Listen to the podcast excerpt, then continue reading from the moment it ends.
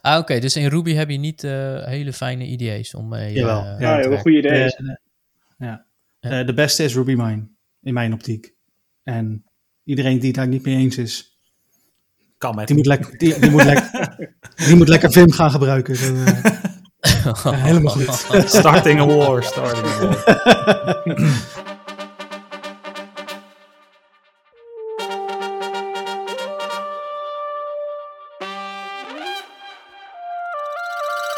Welkom uh, allemaal, weer bij een nieuwe aflevering van Codeklets. Uh, dit keer zitten we alweer in aflevering 4 van seizoen 2. Wat gaat de tijd toch snel. Nou, vandaag zit, uh, zijn we met twee hosts, Johnny en ik. Saber, die hebben we lekker een dagje, dagje vrijgegeven vanavond. Um, maar goed, wel leuk weer om met Johnny een podcast op te mogen nemen. Hoe gaat het, Johnny? Yes, goedenavond. ja, gaat prima. Mogen niet klagen. Lekker weer een gezellig avondje podcasten. Ja, heel gezellig. Het is, het is wel een beetje beroerd weer.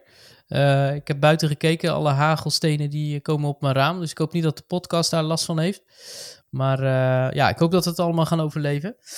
Um, maar goed, uh, ja, ook vanavond hebben we weer twee hele leuke gasten uitgenodigd. Ehm, onze eerste gast van vanavond is Redmar Kerkhoff. Hallo. Welkom. Ja, dank je. ja, Redmar die is een echte entrepreneur, volgens mij. Hij is een eigenaar van Creative Code. En verder hackt hij graag in Rust, uh, Elixir en uh, Ruby, toch? Ja, ja, klopt allemaal. Ja, mooi. Nou, daar zullen we straks uh, wat meer over vragen. onze tweede gast van vanavond is Benoit Klaassen. Welkom. Goedenavond. Dat is ook echt een entrepreneur volgens mij. Ja, dat klopt, ja. Benoit die is, is eigenaar van Altrady, Neighbor Secure. En volgens mij heb je nog wel een paar bedrijven die ik niet heb opgenoemd. Ja, dat klopt, ja. Ik heb nog AppMonet samen met Redmar, Coinray. Uh, en ik heb dan nog een eigen holding BV waar ik eigenlijk uit werkte als freelancer. waar ik eigenlijk nu mee ga stoppen. Of al gestopt oh. ben eigenlijk. Oké. Okay. Nou, daar kunnen we het straks nog wel even over hebben. maar ik had ook begrepen dat je een echte crypto trader bent, toch? Ja, ja dat klopt, ja. Ja, ik ben uh, daar in 2017, uh, net voor de grootste Bitcoin-hype ooit, uh, ben ik daar mee begonnen. Oké. Okay. En voor degenen die ja, nog nooit wat met crypto gedaan hebben, en ja, zoals ik dus, echte noobs tussen ons, zou je crypto trading kunnen uitleggen? Ja, um, ja crypto trading, dat, ja, het begint eigenlijk bij dat je, dat je de munt moet hebben. Dus je moet een, een, een stukje van de munten moet je kunnen kopen. Uh, en daarvoor moet je dus bij een, een exchange of een, of een broker zitten. Dus als je daar dan een account hebt aangemaakt en je bent door het verificatieproces heen gegaan, dan kun je op dat moment kun je dus gewoon met Ideal bijvoorbeeld kun je, wat geld storten. En zodra je dan wat euro's gestort hebt, dan kun je bij de broker, bij de exchange, kun je gaan zoeken naar een markt of naar een munt die je wil hebben en die je dan met euro's kunt kopen. En als je dan een, een order plaatst, dan uh, kun je kijken of iemand uh, akkoord gaat met de prijs die jij ervoor wil betalen. En uh, als je bijvoorbeeld 100 euro wil kopen, dan zeg je ik wil 100 euro en ik wil daar maximaal 10 cent voor uitgeven. Um, of maximaal 10 cent voor betalen. Nou, dan kun je dus 1000 muntjes kopen. Um, en als iemand daarmee akkoord gaat, dan krijg jij die munten in je bezit. En dan ben je crypto-eigenaar. Oh, wauw. Nou, mooi man. En kan je daar een beetje rijk mee worden? er, zijn er, er zijn er velen die dat wel hebben gedaan, ja. Dat, uh, ja. ja, daar kun, je, ja. daar kun je wel goed rijk mee worden, ja. En, en, het, uh, en andersom, niet rijk? Ja, je kunt er ook heel veel geld mee verliezen, ja. volgens mij was laatst ook nog in het nieuws dat iemand die had weer tranen, dikke tranen, omdat hij al zijn studiegeld en dergelijke erin had gegooid. En ja, helaas ging alles weer naar beneden. Ja. En volgens mij als hij het nu vastgehouden had, dan had hij nog vijf keer zijn inleg teruggekregen. Dus ik denk, ik denk dat hij nu helpt van blijdschap. Oh, nou, mooi. En um, ja, ik, ik las ook ergens dat je je eigen platform ook in, in crypto trading hebt ontwikkeld. Of, klopt ja, dat? dat? klopt, ja. Ja? En ja, ik... hoe, hoe ben je begonnen? Ja, ik ben toen ooit begonnen met een, een, een, een scanner. en die scanner, ja, het was eigenlijk om even dan terug te gaan naar het hele verhaal van, van mijn crypto-avontuur. Ehm, ik was dus in 2017 ermee begonnen. Toen had ik wat gekocht. En ehm, eigenlijk niet in de intentie om daarmee te handelen. Dus ik heb, ik heb dat gewoon laten staan. En op een gegeven moment uh, was het in waarde verdubbeld. En toen zag ik het zeg maar elke dag heen en weer schommelen. En toen dacht ik, nou misschien moet ik toch maar eens wat gaan verkopen om het weer terug te kopen. En om te kijken of ik er misschien iets meer van kan maken. Nou, daardoor was ik uh, eigenlijk per dag uh, nou, vier, vijf uur kwijt aan het zoeken naar markten om, om in te kunnen handelen. Maar ik had eigenlijk geen idee wat ik aan het doen was. Um, hm. Dus toen ik op vakantie was en in de zon lag en me stierlijk verveelde, toen heb ik wat YouTube-video's opgezocht. En toen kwam ik uit bij de YouTuber Quickfingers Luke. En die had eigenlijk een hele duidelijke strategie over hoe je nou het beste kunt handelen in de crypto. En ja, zijn, zijn strategie paste heel erg bij de manier waarop ik zou willen traden. Uh, nou, de meest bekende strategie is buy low, sell high. En nou, daar, daar gaf hij eigenlijk zeg maar een leidraad in. Zo van nou, als hij dan zeg maar hier naar beneden gaat, dan moet je daar op deze weg weer gaan verkopen. En toen, uh, oh ja, op zijn YouTube-kanaal, toen vroeg hij dus ook van ja, als er nog developers zijn, dan zou het wel fijn zijn als we een keertje iets van scanners kunnen, kunnen krijgen voor, voor onze strategie. En nou ja, aangezien ik er heel veel tijd aan kwijt was en um, um, zeg maar eigenlijk ook wel op zoek was naar zo'n scanner, um, ben, ik, ben ik die een keertje op een avondje ja, gaan kijken van hoe ver kan ik komen. En al vrij snel had ik iets wat, wat kon werken. En ik, nou ja, ik, herinner het me nog goed. Dat ik op een avond was ik, had ik weer een avondje doorgewerkt. En ik ging naar bed toe. En ik zei tegen mijn vriendin, ik zeg, volgens mij, volgens mij heb ik nu iets wat, wat, wat best, wel groot kan worden. Ja, dat was ook echt een van de eerste keer dat ze ook echt zo, zoiets had van: oké, dit, dit, dit klinkt echt alsof dit wat kan worden. Dit, het gevoel was zo goed. En ik heb dat dus verder uitgebreid. Um, ik heb dat in de markt gezet. En ik heb toen uh, dat met Quickfingers Luke besproken. Um, en ik had ook daarbij aangegeven dat het eigenlijk altijd een betaalde dienst zou zijn. Uh, ook omdat ik zeg maar zelf ondernemer ben. En uh, nou ja, ik ook niet zo geloof in, in, in het gratis gebruiken van andermans software om er zelf rijk mee te worden. Uh, en ik wilde natuurlijk ook gewoon een goede dienst kunnen leveren. Dus, dus het moest niet zo zijn. Zeker in die periode toen de bitcoin echt maar alle kanten op ging. Uh, lagen al die andere platformen lagen er continu uit. En ik wilde ook gewoon wel goede service neer kunnen zetten. Om ervoor te zorgen dat het in ieder geval blijft draaien op de momenten dat het moet draaien. En als je terugkijkt hè, van hoe je bent begonnen, zou je dat nog een keer willen doen? Ja, zeker. Ja. ja. Geen, ja. geen spijt gekregen daarvan? Nee, ik, nee ene, ja, het was dat het dat op dat moment pas kwam. Maar ja, dat, dit soort dingen, dat is, dat is waar ik voor leef, zeg maar oplossingen vinden voor, voor problemen. Um, en het leven makkelijker maken, met name voor mezelf. En als anderen daar ook profijt van kunnen hebben, dan is dat mooi meegenomen. Ja. Ja. je aan, hè, je, je, het is begonnen met een simpel uh, programmaatje om bases te scannen, zoals je dat dan noemde. Um, wat is het inmiddels geworden? Want ja, je hebt, uh, dat was in 2017, dus er zit inmiddels een jaar of drie, drieënhalf, denk ik, aan programmeerwerk dan in. Wat, wat, wat is het platform nu? Wat behelst het? Ja, nou ja, eh, dus zeg maar toen de mensen het gingen gebruiken, was eigenlijk al de, de, de respons was eigenlijk behoorlijk positief. En um, ja, het, gaf alleen maar aan dat, dat de vraag er echt naar was. En we zijn dus gewoon met die mensen in gesprek gegaan en zeiden van oké, nou wat, wat wil je dan hebben? Wat, wat kunnen we nog verder toevoegen? uiteindelijk, of eerst in eerste instantie kwamen ze alleen op dingetjes om de scanner uit te breiden. Maar later werd dus ook de vraag van, ja, ik zou wel graag de charts wat beter willen zien. En ik zou graag wat meer informatie over de markt zelf willen zien. Uh, en dat, dat, dat groeide dus eigenlijk uit tot een, tot een volwaardig handelsplatform waar je gewoon makkelijk vanuit kunt traden. Um, en de, de, de grootste kracht zit in het feit dat je uh, op alle exchanges tegelijk kunt traden die wij aanbieden. dus je hebt zeg maar één tool nodig, je hoeft het maar één keer te leren. en je hebt dus geen last van de verschillen tussen de verschillende exchanges. En je kan dus zeg maar, ja, eigenlijk met vanuit één platform kan je op inmiddels 8000 verschillende markten kun je handelen. Oké, dus jullie zijn eigenlijk, want jullie zijn zelf dus geen exchange. Jullie handelen zelf geen, geen geld. Maar jullie zijn eigenlijk een schil om een exchange heen, of om meerdere exchanges heen dus.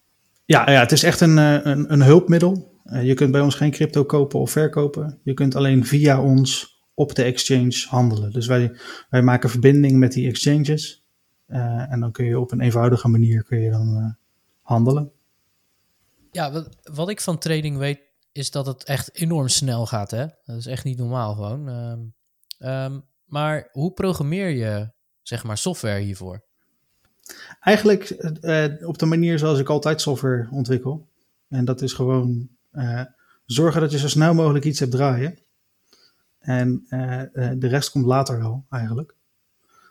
dus, dus zeg maar in het begin had ik die snelheid helemaal niet nodig. Um, voor de, voor de base-scanner bijvoorbeeld, dat ging op, tijd, op een tijdframe van een uur. Dat werd elke 15 minuten werd dat een keer geüpdate. En de prijzen die werden uh, misschien elke minuut of elke drie minuten werden die een keertje ververst. Uh, maar naarmate de vraag groter werd om, om een volwaardiger handelsplatform, ja, toen moesten we dus sneller gaan.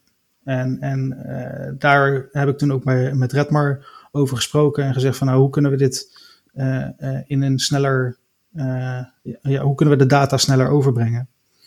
Uh, en toen is Redmar eigenlijk begonnen met het maken van een, uh, van een WebSocket service. Om de data eigenlijk in, in, in real-time of near real-time aan te bieden aan de gebruikers. Oké, dus om het even een beetje kort samen te vatten. Jij, jij hebt Make It Work zeg maar gedaan. Gewoon voor zorgen dat het gaat werken. Technical debt.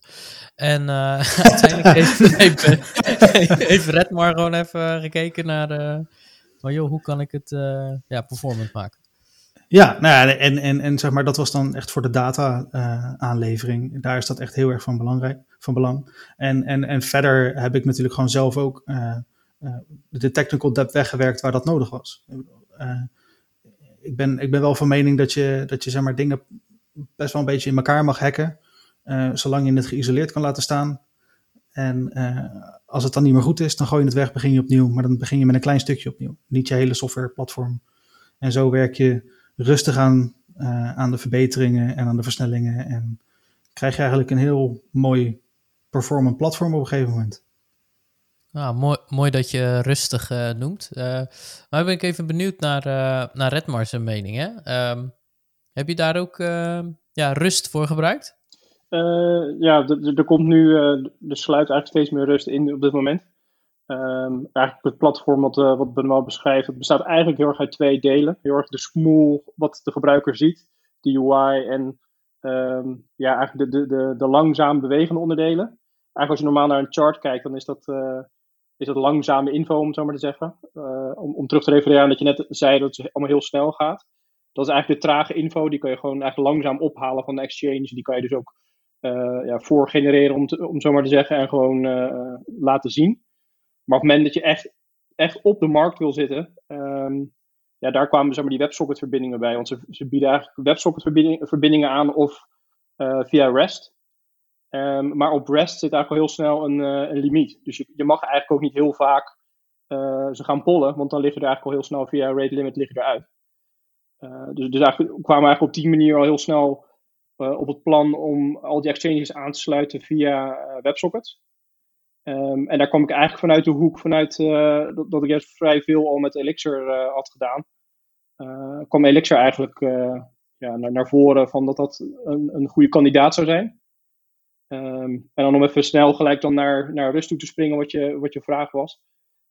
het bleek eigenlijk ook tegelijkertijd weer dat, dat Elixir ook wel heel snel weer door zijn knieën kon gaan um, door al het geweld wat vanuit de exchanges binnenkwam. Uh, dat, dat op plekken waar, waar we ja, zagen dat het gewoon niet meer, dat het de boel niet meer trok, hebben we heb toen uh, rust gebruikt. En ik moet zeggen, ik ken Elixir als een vrij performant ja, programmeertaaltje, om het even kleinerend te zeggen.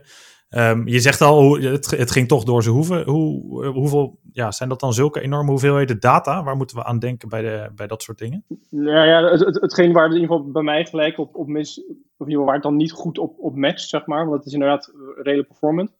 ehm, is dat heel veel numerieke dingen bijhouden in arrays. En dat is precies het deel waar ehm, ja, Elixir neigt heel snel juist naar linked list-achtige structuren. Ehm, en er was ook niet echt een hele goede soort decimal-achtige library. Die was er wel. Ehm, maar die was dus niet, die is heel erg een soort van een, ja, een standaard user space gemaakt. Dus, dus niet, voor de rest niet versneld of zo. Uh, en daar, daar heb ik het eigenlijk ingevuld met, uh, met rust. Ehm, maar als je het moet, ja, aan, aan aantallen, dat af en toe dan zien we gewoon ja, iets van 15.000. Als je alles bij elkaar optelt, dan is van 15.000 uh, updates per seconde vanuit je exchanges binnenkomen. Uh, dat is piek. Uh, enkele exchanges zijn vaak 5.000, 6.000 events per seconde. En events, dat zijn vaak geaggregeerde, dus dat je, dat je meerdere events van alle markten. Wat dat is eigenlijk hetgeen wat we dan in dit geval doen. Dus dat we om, voor alle gebruikers subscriben zeg maar, op alle markten die er zijn van een exchange. Dat is eigenlijk ook een beetje de reden waar je zoekt het zelf eigenlijk ook wel op, doordat je zeg maar, alle info wil hebben van, van ja, alles wat ze hebben, zeg maar. Uh, en dan schiet het eigenlijk af en toe dus naar zulke soort pieken. En zeker als die opeens uh, instort of juist heel erg omhoog gaat, dan, uh, ja, dan zien we goed pieken richting die 25, 30.000 events per seconde.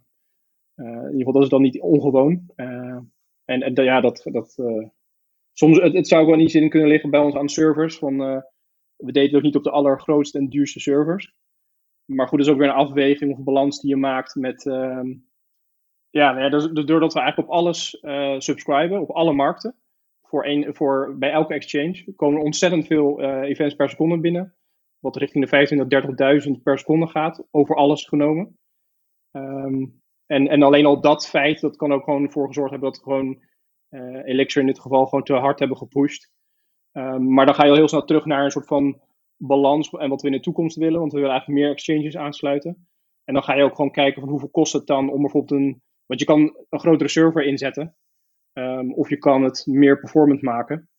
Um, en daar hebben we eigenlijk gewoon gekozen, en ook wat, we hebben gezien in Rust, dat je vrij, ja, met vrij weinig effort en vrij naïeve code, uh, waar je dus niet al te erg je best op hebt gedaan, is het al heel erg performant.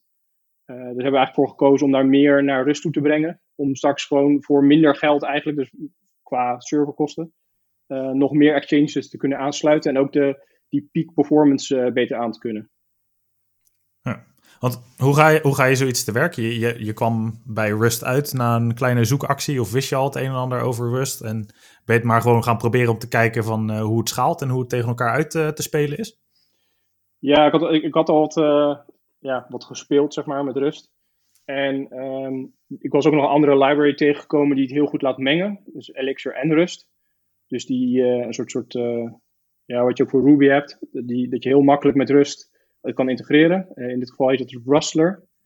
Um, ja, dat is een soort van, je, je, je doet even een skeleton generatie en dan kan je eigenlijk heel snel gewoon een, een, ja, een algoritme gewoon in Rust um, ja, schrijven en daarna beschikbaar maken weer in Elixir.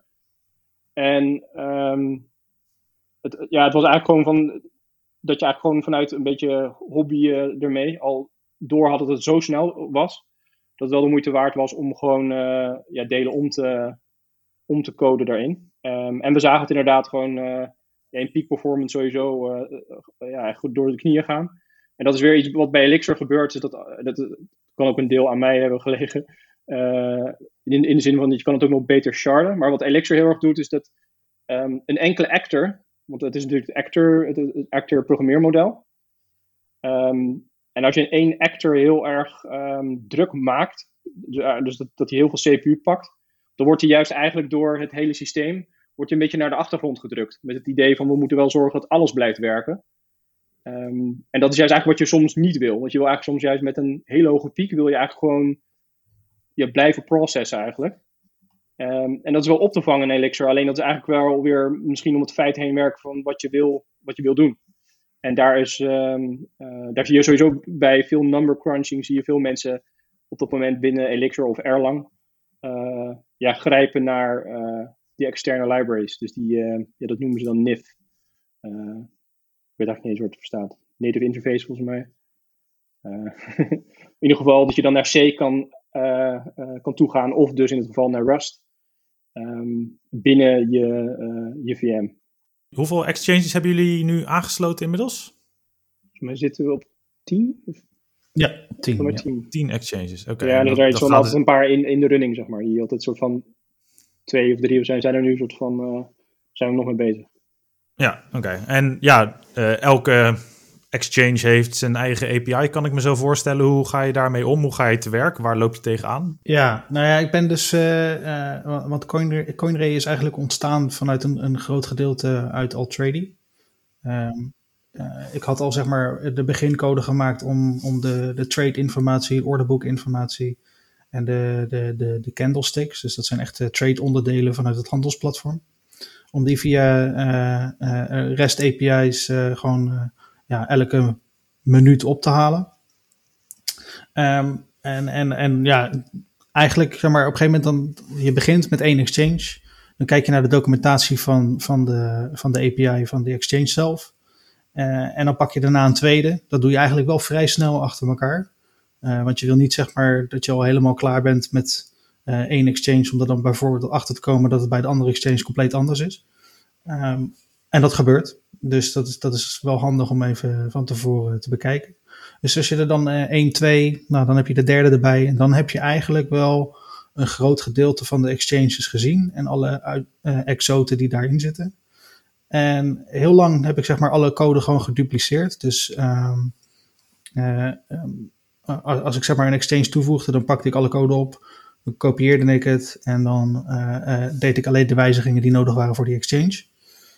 En dat heb ik later heb ik dat weer gerefactored naar ehm, dat het zeg maar een, een, een, een beter model was. Waarbij je dan eigenlijk alleen nog de, de uitzonderingen per exchange overhield. Eh, en zo was het dus zeg maar het toevoegen van een nieuwe exchange. Nou, ik heb het laatst weer eh, eentje toegevoegd op die manier nog. Eh, en dan ben je vier uurtjes bezig hooguit. En dan heb je een nieuwe exchange toegevoegd. Of voor de, voor de rest dan. En dan heb je dus weer technical debt die Red maar op mag ruimen. Of eh, zie ik dat verkeerd? Nou, nee, nee, niet echt. eh, eh, want dat zijn wel echt twee gescheiden, eh, gescheiden dingen. Want de, de WebSockets, dat is wel echt een hele andere tak van sport.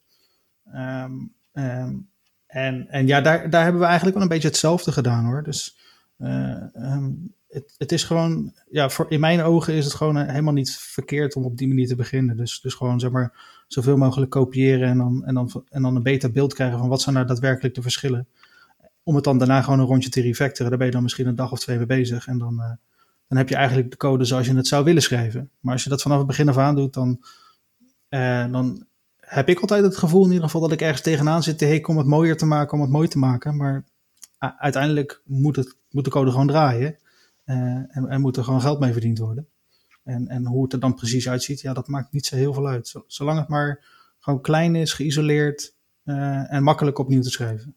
Nou, in die zin is het hier ook in je voordeel als je het redelijk geïsoleerd houdt per exchange. Want uh, de changes bewegen ook per exchange. Dus op het moment dat je iets moet aanpassen, zeg maar, zal het vrijwel nooit zo zijn dat je over alle andere exchanges, dus de code van alle andere exchanges moet gaan. Omdat de changes die gebeuren ook juist heel plotseling, soms onaangekondigd, gewoon in productie, uh, binnen sommige exchanges. Dus je moet soms juist heel snel kunnen handelen. En als je moet handelen op basis dat je nog rekening moet, moet houden met alle exchanges die je ook nog hebt draaien, dan zou dat juist, juist onhandiger zijn eigenlijk in dit, in dit geval. Bijvoorbeeld een of andere base class die alles voor alles en iedereen doet met heel veel cases erin verwerkt. Dat is juist eigenlijk in dit geval onhandiger. Ja. Um, ja, je zei het al een beetje, het kan dus ook een stuk gaan in productie. Wat zijn dat een beetje de dingen waar je tegenaan loopt? Of ja, heb je nog andere... Oh, vrij vaak, oké. Okay. Ja, er, zijn, uh, er zijn bepaalde exchanges, uh, ik zal geen namen noemen, maar die, die echt heel vaak gewoon, dan gaat het bij ons stuk. Dus we, we krijgen in, in de Altrady kanaal, zie je gewoon mensen om hulp roepen van, er, er is iets kapot. Dan gaan we kijken. Dan zijn er geen, want het eerste wat jij meestal doet is dan naar een statuspagina kijken van exchanges. soms is een statuspagina gelijk aan een Twitter, Twitter account. Um, en dan zie je dat er niks aan de hand is. Maar dan, dan moeten we eigenlijk in onze login kijken. En dan zie je gewoon dat er iets is veranderd. En dat was de dag ervoor niet. Of het uur ervoor was dat er gewoon nog niet. En dan hebben ze het gewoon echt aangepast. En dan moeten wij scramblen om het maar weer recht te werken. Of weg te werken. Ja, en, en soms is dat ook dus gewoon per markt. Hè? Dus het is niet zo dat wij geen alerting erop hebben staan. Uh, uh, bedoel, als, als er echt iets mis is, dan, dan krijgen we daar onze eigen alert van. Maar heel vaak dan, zegt een, uh, dan horen we van gebruikers... oh, die markt die doet daar en daar iets raars. En dan ga je kijken en hebben ze bijvoorbeeld alleen voor die markt hebben ze de symbols omgedraaid. Dus dan handel je niet in, in bitcoin euro, maar in euro en bitcoin bijvoorbeeld. Dat, dat, dat soort dingen. Dat, ik moet, ik moet ineens denken aan alle, alle schadeclaims die je misschien zou kunnen krijgen daarmee. heb je ook al zoiets meegemaakt? Uh, nou, die, die vraag wordt wel gesteld van wie, wie is er nou verantwoordelijk, dus als er iets misgaat. Uh, maar eigenlijk staat er in de disclaimer van NotTrady heel groot dat je je eigen risico moet kunnen dekken. Wij zijn daar niet voor verantwoordelijk. wij bieden aan wat een exchange aan kan bieden. Als een exchange daar last van heeft, dan kunnen wij ook niet bij de exchange onze schade claimen. Um, en, en de bedragen die je bij ons betaalt, die staan ook niet in verhouding tot eventuele schadeclaims. Dus ja, Zeg maar als we dat wel zouden willen doen, dan betaal je misschien het tienvoudige. Ja, dat is misschien ook de reden waarom een exchange zijn ook gewoon uh, binnen Nederland dan. Uh, dat de Nederlandse bank zich al snel ermee gaat bemoeien. Dat dat ook de reden is, zeg maar. Um, en dat, dat, ja, dat doen we niet. We zijn in die zin gewoon meer een doorgeefluik. Um, en, en zijn dus echt ook inderdaad afhankelijk in die zin ook weer van ja, hoe die exchanges performen. Ja, ja, en de exchanges zelf geven die garanties ook niet.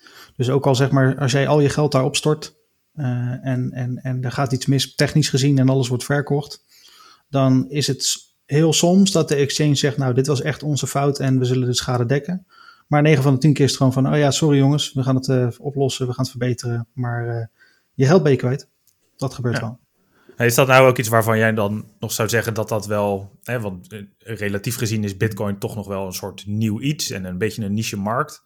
Zou je ook zeggen dat dat soort dingen nou juist uh, beter moeten worden voordat uh, in het geval Bitcoin beter, betere adoptie zou krijgen? Of is dit juist ook de charme van Bitcoin, dat, dat het zo ongereguleerd is? Als je het mij vraagt, is het wel die charme ervan. Uh, ik, ik, weet niet of jullie in vorige podcasts uh, al gehad hebben over de GameStop. Uh, nee, handel. nog niet. Oké, nee. nou dat, dat, dat, was zeg maar op de, de, de stockmarket was dat een van de ja, meest recente ja, bullruns, zoals ze dat noemen. En dat werd eigenlijk veroorzaakt door een groep traders. En dat zorgde voor zoveel volatiliteit dat, dat mensen daar in, in één klap heel rijk mee konden worden, maar ook heel erg snel geld mee konden verliezen. En in dit geval waren het dus de mensen die juist zitten op al die regeltjes en regelgevingen en al die dingen, die, die uh, waren nu uh, uh, zeg maar aan de verliezende kant. En die grepen gelijk in. En die zorgden er dus voor dat zij hun eigen geld gewoon snel ja, hun schade konden beperken. En, en juist daarom zou ik zeggen van laat Bitcoin lekker zoals het nu is. Laat het vrij. En uh, dan is het spel uh, is het gewoon eerlijker. Dus het is zeg maar, ja, mensen met weinig geld kunnen toch nog heel veel geld maken. En, en mensen die heel veel geld hebben, hebben niet zeker uh, de garantie dat ze daar ja, nog veel meer van kunnen maken. Ja, ja want ik, ik kreeg inderdaad ook een mailtje. Ik heb een account bij De Giro.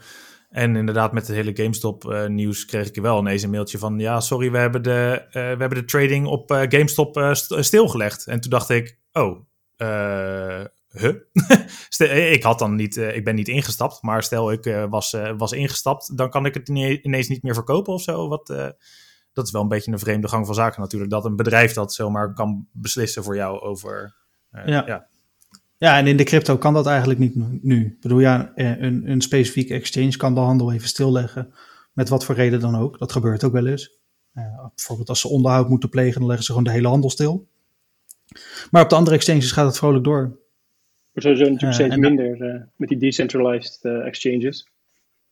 Ja, precies. Dat is, dat is zeg maar nog een, nog een stapje verder. Dus dat zeg maar echt iedereen onderdeel is van een exchange. En dat je dus niet één centrale server hebt die dat regelt. Um, maar sowieso bij de crypto is het zo, ja, spreiding is altijd beter. Dus je kan makkelijk over verschillende exchanges je, je portfolio beheren. En als er dan dus één exchange iets is, nou ja, dan heb je in ieder geval nog op de ander genoeg staan. En als, als je dus zeg maar ergens uh, ja, je, je investering veilig wil stellen, dan kan dat. Als jullie uh, ja, jullie team zouden mogen omschrijven, hè? Want hoe, hoe, hoe groot is uh, jullie team om dat platform zeg maar een beetje in stand te houden? Dus inclusief developers, of misschien hebben jullie wel mensen die de boel monitoren, et cetera. We zijn heel klein begonnen. in eerste instantie was het alleen ik en, en de designer. Uh, ik heb eigenlijk al vanaf dag één heb ik gewerkt met, uh, met mijn uh, vertrouwelijke designer, die zit in, in de Oekraïne. En nou ja, later kwamen er steeds meer mensen bij. Ik heb een aantal keer mensen via Upwork op internet ingehuurd. En ook weer afscheid van genomen. En inmiddels zijn we met z'n tienen. Ehm, nog steeds meeste freelance. dus, dus zeg maar, ik heb nog. Altrady BV heeft nog geen medewerkers. maar daar gaat waarschijnlijk in de dichtstbijzijnde toekomst gaat daar, uh, gaat daar verandering in komen. En dan uh, zullen de eerste werknemers op de loonlijst komen. Oh, nice. En um, even gekeken naar de, de software die jullie hè, in het platform zelf gebruiken. nou, Rust werd net al genoemd. Um, zijn er nog andere technieken die jullie gebruiken om, om die software zeg maar, live te brengen? Of misschien ook wel te testen, te monitoren en dat soort dingen. kunnen jullie daar iets meer over vertellen? Ja, um, het grootste gedeelte nog van, van Altrady zelf is in Ruby. Uh, maar de dingen waar de, waar, waar de snelheid in moet komen, daar heb ik dan een, een mix van Crystal. Crystal is een, een, een Ruby-like taal en is ook super snel. Um, daarnaast heb ik, ben ik toen uh, een paar weken geleden ook begonnen met dingetjes van Rust toe te voegen. Dus daar draaien nu ook wat Rust services. Uh, nou ja, zoals je al hoort, uh, praat ik over services. en is eigenlijk alles als, een soort van micro-architectuur. draait het in een, op, op dit moment in een Rancher cluster. En dat is dan nog de, de Rancher 1.6 variant. en dat betekent dat zeg maar alle containers alle Docker containers die worden dan beheerd door, door, door Rancher zelf. Uh, maar in de toekomst willen we wel gaan switchen naar Kubernetes. Meer, niet omdat we Rancher niet meer mooi vonden, want het, liefste zouden we daarmee verder gaan. maar dat wordt helaas niet meer doorontwikkeld. Dus we moeten naar ja, de nieuwe variant van Rancher, Rancher 2.5. of 2.6 is inmiddels al, weet niet. Maar die, die gebruiken in ieder geval Kubernetes als, als onderliggend architectuur. Dus daar gaan wij dan ook uh, op over. Ehm, nou ja, voor CoinRay kan uh, Redmar misschien iets over vertellen. ja, qua sterk is dat begonnen in Elixir. we hebben een REST API die op Ruby on Rails zat, um, omgezet naar Elixir. En um, onderdelen in Elixir, soort bepaalde datastructuren, die zijn, zijn al rust. En de, de upstreams die richting de exchanges uh, praten, die zijn ook allemaal Elixir, maar dat zal uh, waarschijnlijk ook allemaal Rust worden. Dat staat eigenlijk allemaal in de stijgers om dat allemaal om te zetten naar Rust. En eigenlijk is daar, het is eigenlijk hetzelfde wat Ben al net al beschreven, het zijn allemaal aparte containers. vaak wel uit een meer monolithische codebase maar deploybaar, zeg maar, of in ieder geval te, te, parametriseren per exchange als je ze start. Eh, en dat draait ook allemaal op, eh, nog op datzelfde Rancher cluster eigenlijk. Eh, wat straks allemaal naar waarschijnlijk een hosted Kubernetes gaat. met, met Rancher ervoor als UI. Ja, en in de frontend, dat ben ik nog vergeten te vertellen, maar in de frontend wordt eigenlijk alleen maar React gebruikt. Dus voor de, de, de desktop applicatie, de web applicatie en de mobiele applicaties gebruiken allemaal React. Uh, voor iOS en Android gebruiken we nu nog React Native. Uh, maar daarvan gaan we ook afstappen en we gaan over op gewoon een uh, volledige React implementatie. Zodat we straks één codebase hebben voor alle frontend gerelateerde zaken. Ja. Dit, hebben jullie daar ook een, een Ja, dat klinkt altijd heel mooi in de oren, hè? Van één codebase die, die alle verschillende gebruikers gaat serven. Um, is, dat, is dat waar? Uh, heb je dat echt gezien dat dat werkt? Of? Um, ja, ik heb het. Dus ik, de, de, de, de, de iOS-applicatie is al uh, nou ja, 80, 90 procent uh, gedeelde code. en de overige 10 procent heeft eigenlijk alleen te maken met nou wat, wat kleine mobile-specifieke onderdelen. Maar daarnaast de, de, de UI zelf. Dus ja, je, moet gewoon een mobiel vriendelijk navigation uh, UI hebben. Dus da daar onderscheidt het zich dan in. Maar er is helemaal niks mis mee om dat gewoon in één applicatie te stoppen en te zorgen dat je, dat je applicatie gewoon responsive reageert en eigenlijk op elk formaat goed zichtbaar is. Ja, ja, mooi streven. Ja, absoluut. absoluut. Ik had ook nog een vraag rondom monitoring. Hè? Ik lijkt me best wel belangrijk dat, dat jullie ook tools moeten hebben om de boel ja, te monitoren. Kunnen jullie daar iets meer over vertellen? Ja, we, we gebruiken voornamelijk New Relic. Um, eigenlijk omdat we daar al. Ja, omdat, omdat de, de, de Ruby on Rails implementatie van New Relic was eigenlijk altijd al heel goed. Um, alleen New Relic was, was heel lang eigenlijk veel te duur. Uh, dus we gebruikten alleen de gratis versie van New Relic. Uh, en, en dat was, zeg maar, had je een, een, eh, een 24 uur retentie erop. Maar ja, dat, dat, was voor ons in principe prima, want we gebruikten het om te kunnen zien wat er nu aan de hand is. om, om alerts te kunnen krijgen als er iets mis is. en inmiddels zijn we, nou, sinds een maandje zijn we overgestapt op de betaalde versie omdat ze een prijzingmodel hebben aangepast, waardoor het eindelijk een keertje betaalbaar werd. Hm. Uh, ja, de, in de oude versie moesten we meer dan de servers bij elkaar betalen. Uh, en, en nu is het misschien nou ja, 5% van de serverkosten. Dus dat is, werd eindelijk een keer de moeite waard om, om aan te schaffen. En, en, kun je dan wat meer proactief gaan monitoren? Of hoe, wat, ja, wat voor voordelen biedt dat? Ja, het, het voordeel. Nou ja, eigenlijk was de gratis versie nog steeds prima voor ons. Um, dus, dus voor mij werd het gewoon uitgezet. het, werd, het werd gewoon uitgezet. We gingen te dus hard. Hadden, geen, we hadden geen keus. En nou ja, ik bedoel, ik, ik vind het helemaal niet erg om ergens voor te betalen. Want uh, ja, daar krijg je als het goed is ook wel weer wat voor terug. Maar nu is het ook wel weer fijn dat je, je krijgt nu wel de extra retentie. Dus je krijgt nu uh, wel de, de, voor bepaalde onderdelen zeven dagen. En dan kan je wel wat makkelijker zien van, oh hey, ik zie nu hoog verkeer. Is dat normaal op een maandag of uh, is er nu iets geks aan de hand? Dus dat krijg je er dan voor terug. Dat is nou op, op zich wel fijn dat dat nu inzichtelijk is. Ja, want jullie houden het zelf nog steeds allemaal bij. Er is, is, of is er een aparte opser die, die bijvoorbeeld dit soort dingen in de gaten houdt? Of ben je dat nog zelf? Nee, operations doen we er gewoon een beetje bij. Dat is ja, allemaal niet zo moeilijk.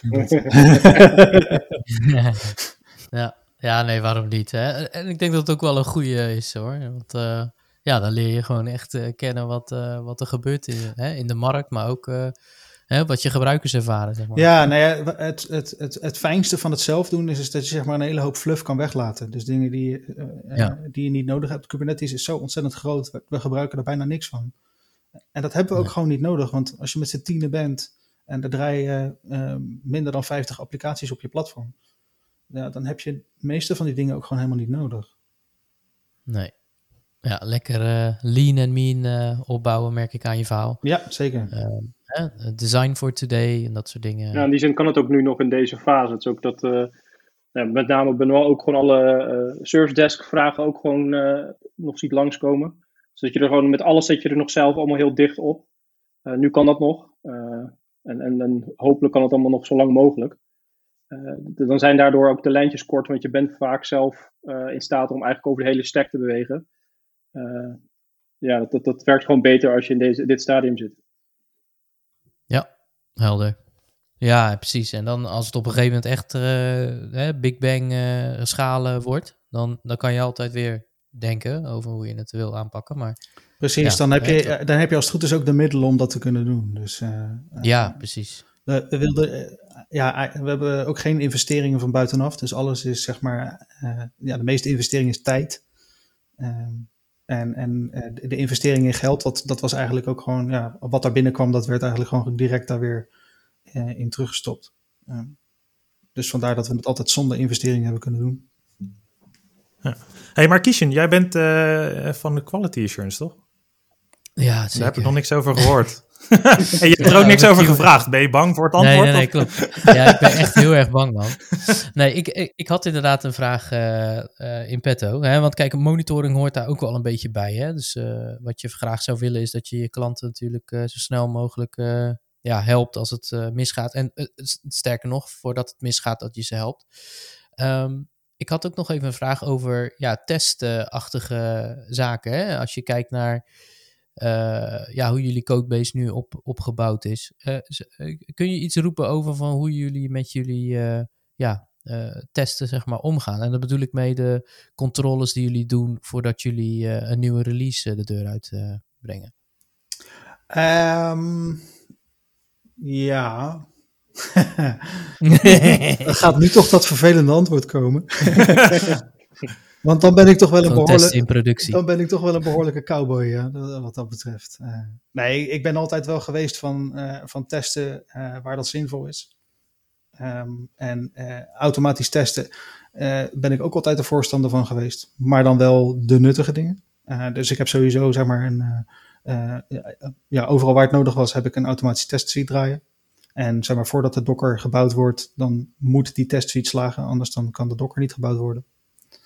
Eh, en, en dan daarna gaat het naar een staging-omgeving. En dan kun je het eh, doortesten. En als dat dan werkt, dan deploy je het naar productie. En inmiddels hebben we ook gewoon een, een, een quality assurance persoon die, die tickets test. Dus zeg maar, als tickets klaar zijn, dan gaan ze in test. En dan test hij ze door.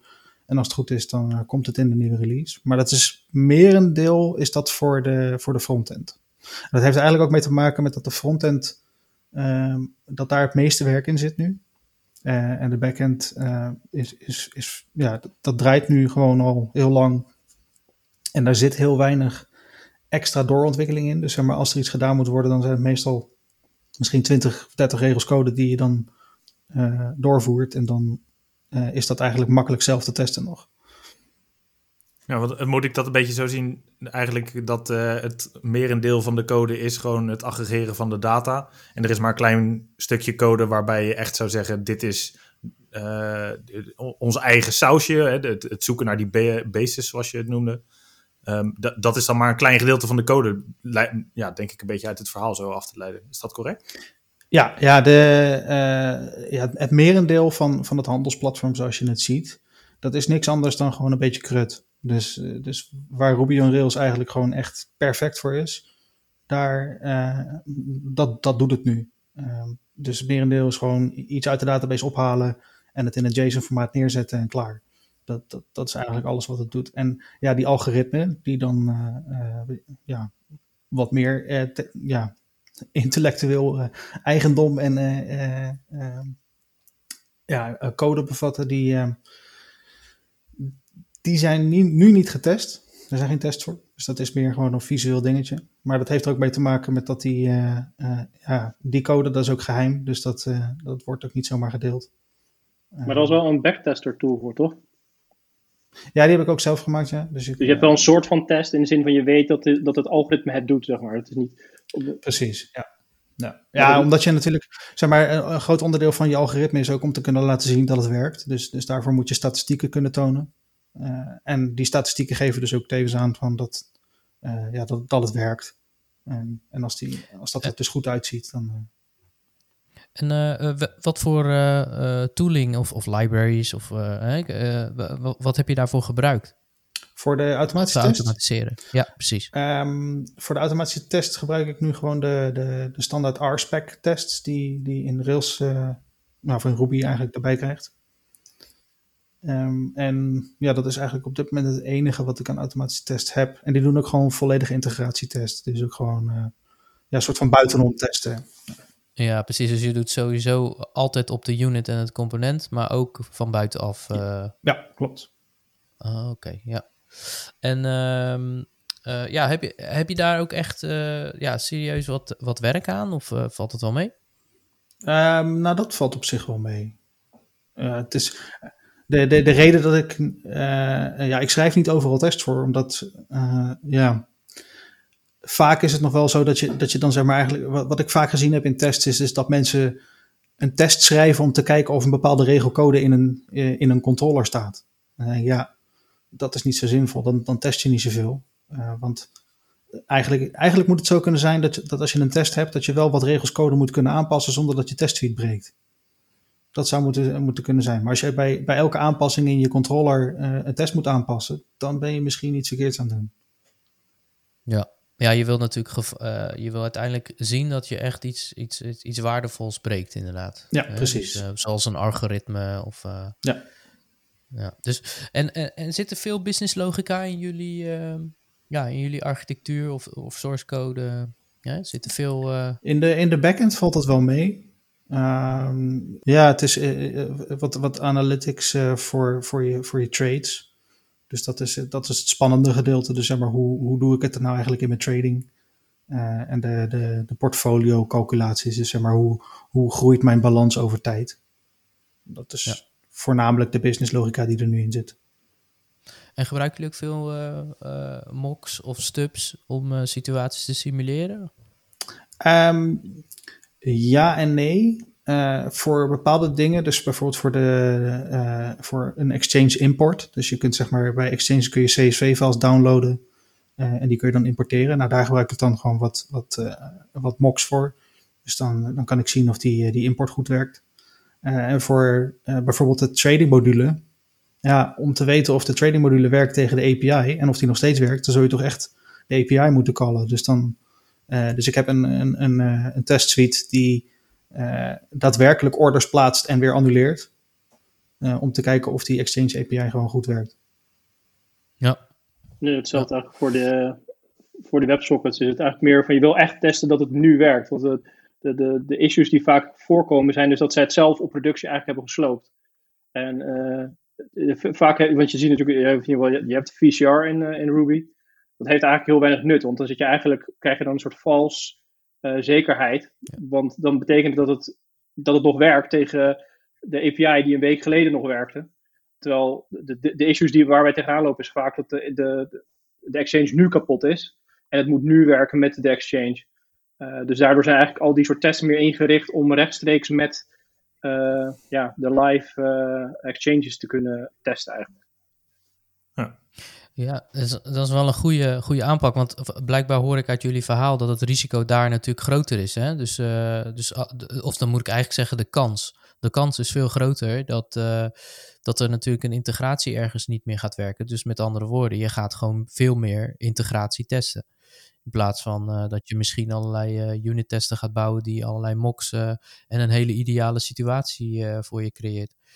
En dan ga je inderdaad helemaal terecht. Hè? Ga je false uh, positives krijgen omdat je ja, denkt dat het allemaal goed is. Maar dan ga je in de integratieomgeving. Uh, dan, uh, ja, dan komen ineens wel die fouten naar boven die je anders niet had geschreven. Ja, en dan is er nog een deel van dat, dat veel exchanges eigenlijk de sandbox gewoon. Je, had een tijdje dat, dat ze wel sandboxen aan, hadden, hadden aangeboden om in mee te testen. En je ziet dat het vaak ook gewoon verdwijnt omdat het te duur is om gewoon alleen maar een sandbox up te houden. Dus zeggen ze eigenlijk oh, ja. in die zin ook gewoon wat Benoit net beschreef: van ja, test maar gewoon dat trading in productie. Dus ja, dan, ja. dan doen we dat maar netjes. Maar dan weet je ook zeker dat dat ook werkt. Ja, ik, ik denk dat dat uh, ook wel een beetje een, een, uh, een beweging is wat, waar, waar iedereen mee te maken heeft hoor. Hè, steeds meer, je hoort het steeds meer in de continuous delivery-achtige hoeken van ja, testen in productie. Laten we eens kijken wat er gebeurt als we de performance weet je wel, uh, aantasten. Ja, nou ja en, en, en, eh, een andere strategie die we ook wel hanteren is, is door gewoon heel vaak heel weinig te deployen. Dus zeg maar, ja. je houdt je changes echt super klein. Dus je weet ook gewoon direct van, oh, ik heb net iets gedeployed. Nou, dat moet, en het gaat nu niet meer goed, dan is dat het geweest. Het, het is niet dat je zeg maar een hele week van ontwikkelen hebt en dat je dan eens een keertje uiteindelijk wat gaat releasen. Nee, het is eigenlijk ben je aan het einde van de dag klaar. Oké, okay, deploy het maar in die zin zitten we inderdaad echt heel dicht op het New Relic uh, en Sentry. Dat je deployt en je zet eigenlijk die schermen er gewoon constant bij om dan te zien of het komende uur zeg maar goed gaat. En mocht er dan iets misgaan, dan weet je vrijwel zeker dat er of een exchange uit ligt, wat altijd kan, of het is je eigen code en dan draai je dat gewoon weer terug. Uh, en ga, en terwijl je op zoek gaat naar wat dan de, de, fout is. En meestal fix je het dan ook weer gewoon forward. Dus dat je, je, je ziet wat de, de, fout is, je fixt het en je bent eigenlijk een paar minuten later, dan, ja, dan is het weer live. Ja, ja veel fast, veel early, dat, uh, dat principe dus. Ja. ja. Ja, en het is ook belangrijk dat je dus heel snel kunt deployen. Dus we hebben ook geen hele grote integratietesten die, zeg maar, dat het een uur duurt voordat je überhaupt iets kunt deployen. Nou ja, echt, het is gewoon uh, lokaal testen. Draait, uh, draait je testje, prima, oké, okay, oké, deployen. En, uh... nou, nou het, het, klinkt als een, een, een ja, een mooi product, maar het product is nog niet af, neem ik aan. Want je, jullie zijn nu met uh, tien man daarmee bezig. Wat uh, zie jij uh, voor de toekomst? Of wat zien jullie voor de toekomst eigenlijk? Wat, wat, gaan wat gaat er gebeuren? Wordt het een kwestie van meer exchanges aansluiten? Wordt het een kwestie van nog meer nieuwe algoritmes bedenken? Waar, of heb je ideeën voor de toekomst? Of heb je ideeën voor de hele cryptomarkt als toekomst? Nou ja, we willen sowieso meer exchanges toevoegen. Ook gewoon dat je dan meer mensen kunt aansluiten. Die bijvoorbeeld niet in, in, uh, in, in Amerika mag je niet op elke exchange handelen. Dus er zijn alweer speciale exchanges voor. Dus om dan zeg maar de Amerikaanse markt te kunnen voorzien, moeten we ook kijken naar exchanges die alleen in die regio te gebruiken zijn. Um, daarnaast willen we inderdaad ook nog meer algoritmes gaan toevoegen. Um, maar dat staat wel eventjes op een laag pitje, omdat we nu druk bezig zijn om onze smart trading functionaliteit uit te breiden. We hebben nu al wat smart trading functies. En met smart trading functies bedoel ik zeg maar dat je, uh, je kunt dan orders klaarzetten. En zodra er dan, uh, zodra een, een order is uitgevoerd, dan gaat het systeem automatisch voor jou de, vol, de volgende stap doen. En nu zijn dat, is het zeg maar, je doet één ding en dan doet het systeem daarna nog één ding. En dan is het klaar. Maar we zijn nu bezig om dan te kunnen zeggen van dat je eigenlijk een hele positie van tevoren kunt gaan klaarzetten. En dan koopt hij alles wat jij op de weg naar beneden hebt staan. En dan gaat hij alles op de weg naar boven, gaat hij het weer verkopen. Um, en dan kun je uh, ja, makkelijk uh, in en uitstappen. Uh, en je kunt rustig naar bed gaan en dan gaat het systeem, houdt de trades voor jou in de gaten. En kun je slapend rijk worden, zeggen ze dan. the, living the dream. Ja. Um, iets wat we eigenlijk ook alle gasten altijd vragen. Nou, eigenlijk is dat altijd in het begin van, uh, van de podcast. Maar goed, dat doen we gewoon lekker aan het einde boeien. Um, laten we even bij Redmar uh, beginnen. Um, hoe is het eigenlijk bij jou begonnen om uh, ja, dat je ontdekt hebt dat je echt dat je software development ambities had? Hoe is het bij jou begonnen? ja, een beetje rond 6, 7 of zo. Toen kwam een een kennis bij ons binnenwandelen die twee dochters hadden. En die hadden geen interesse in al zijn oude computers. En die, uh, die dacht, nou ja, die, die, kunnen we hier wel droppen. Dus ik kreeg letterlijk ook echt gewoon een grote doos met een MSX en een Commodore 64 met een tape recorder erin. Um, oh, nice. En we hadden een hele oude tv waar je altijd even een paar keer op moest rammen, om, dan deed hij het weer. En dat was dan op zolder. En dat was gewoon lekker ja, helemaal op losgaan. In de zin van niemand niemand keek echt met je mee, dus je kon er gewoon helemaal mee experimenteren. Uh, en allemaal van die, uh, van die programma's uh, die dan uit zo'n soort boek kon, kon natypen. En dan, dan, dan kreeg je opeens een spelletje. daar is het een beetje begonnen. En toen is het meer naar 086 toegegaan, zo'n oranje beeldscherm. en daar een beetje met QBasic aan de haal. En zo is het een beetje doorgerold naar ja, bijna verslaving van, van Quake. Quake-verslaving. De first-person shooter. en uh, toen had ik eigenlijk nogal wat mot met mijn ouders. Die trok ook uh, af en toe gewoon de kabel eruit. Of de, de, stoppen als ik er te lang doorging. En toen kwam er opeens uh, een hele hoge telefoonrekening van over de duizend gulden. En toen had ik een probleem. Want toen moest ik dat op een of andere manier zien te, zien te betalen. Want mijn ouders zeiden, ja, het is leuk dat jij heel veel gespeeld hebt. Maar ga het maar eens even terugverdienen. En toen kwam eigenlijk het verhaal van, hey, je kan je ook geld mee verdienen. Ik had uh, aardig wat tijd erin zitten om een clan, clan ja, homepagina te, te, maken. Dat was toen volgens mij met, met Flash. Ja, en, en gewoon HTML, CSS. En toen ging ik gewoon ergens gewoon, het was een beetje bij toeval, kwam ik ergens terecht. En daar kon ik gewoon 25 gulden per uur krijgen van die man. Dat is een eenmanszaak. als ik hem ging uitleggen hoe hij dat moest doen. En gewoon voor zijn klanten werken. Dus ik had die die duizend schulden vrij snel weer terugverdient. En mijn ouders die hadden echt zoiets van, uh, is dit wel helemaal kosher? Is het niet zo dat hij andere dingen aan het verhandelen is of zo? en vanuit daar is het eigenlijk in één keer doorgerold naar, um, ja, eigenlijk zo snel mogelijk toen 18 was, Koophandel er maar aanvragen. En, uh, ja, en, en er gewoon in werken ook, omdat ik het gewoon heel leuk vond om, om te doen. Om te, wat je er allemaal mee, mee ja, creëren, zeg maar. en zo is het eigenlijk gaan rollen. Ehm, en toen HVU, en uh, dat was uh, eigenlijk te makkelijk. En toen ben ik naar de TU Delft gegaan. Uh, en daar kwam ik dan Benoit tegen. ja. En de rest is history. En, en Benoit, hoe is het bij jou begonnen? Ja, ik was iets meer volwassen toen ik begon. Ik was 12. meer Wauw, oké. En ja, ook gewoon begonnen met nou ja, wat, wat basic scriptjes. Uh, toen we dan voor het eerst een webbrowser kregen, ben ik al gelijk HTML-pagina's gaan maken. We hadden nog geen eens internet, maar webpagina's maken, dat vond ik wel leuk.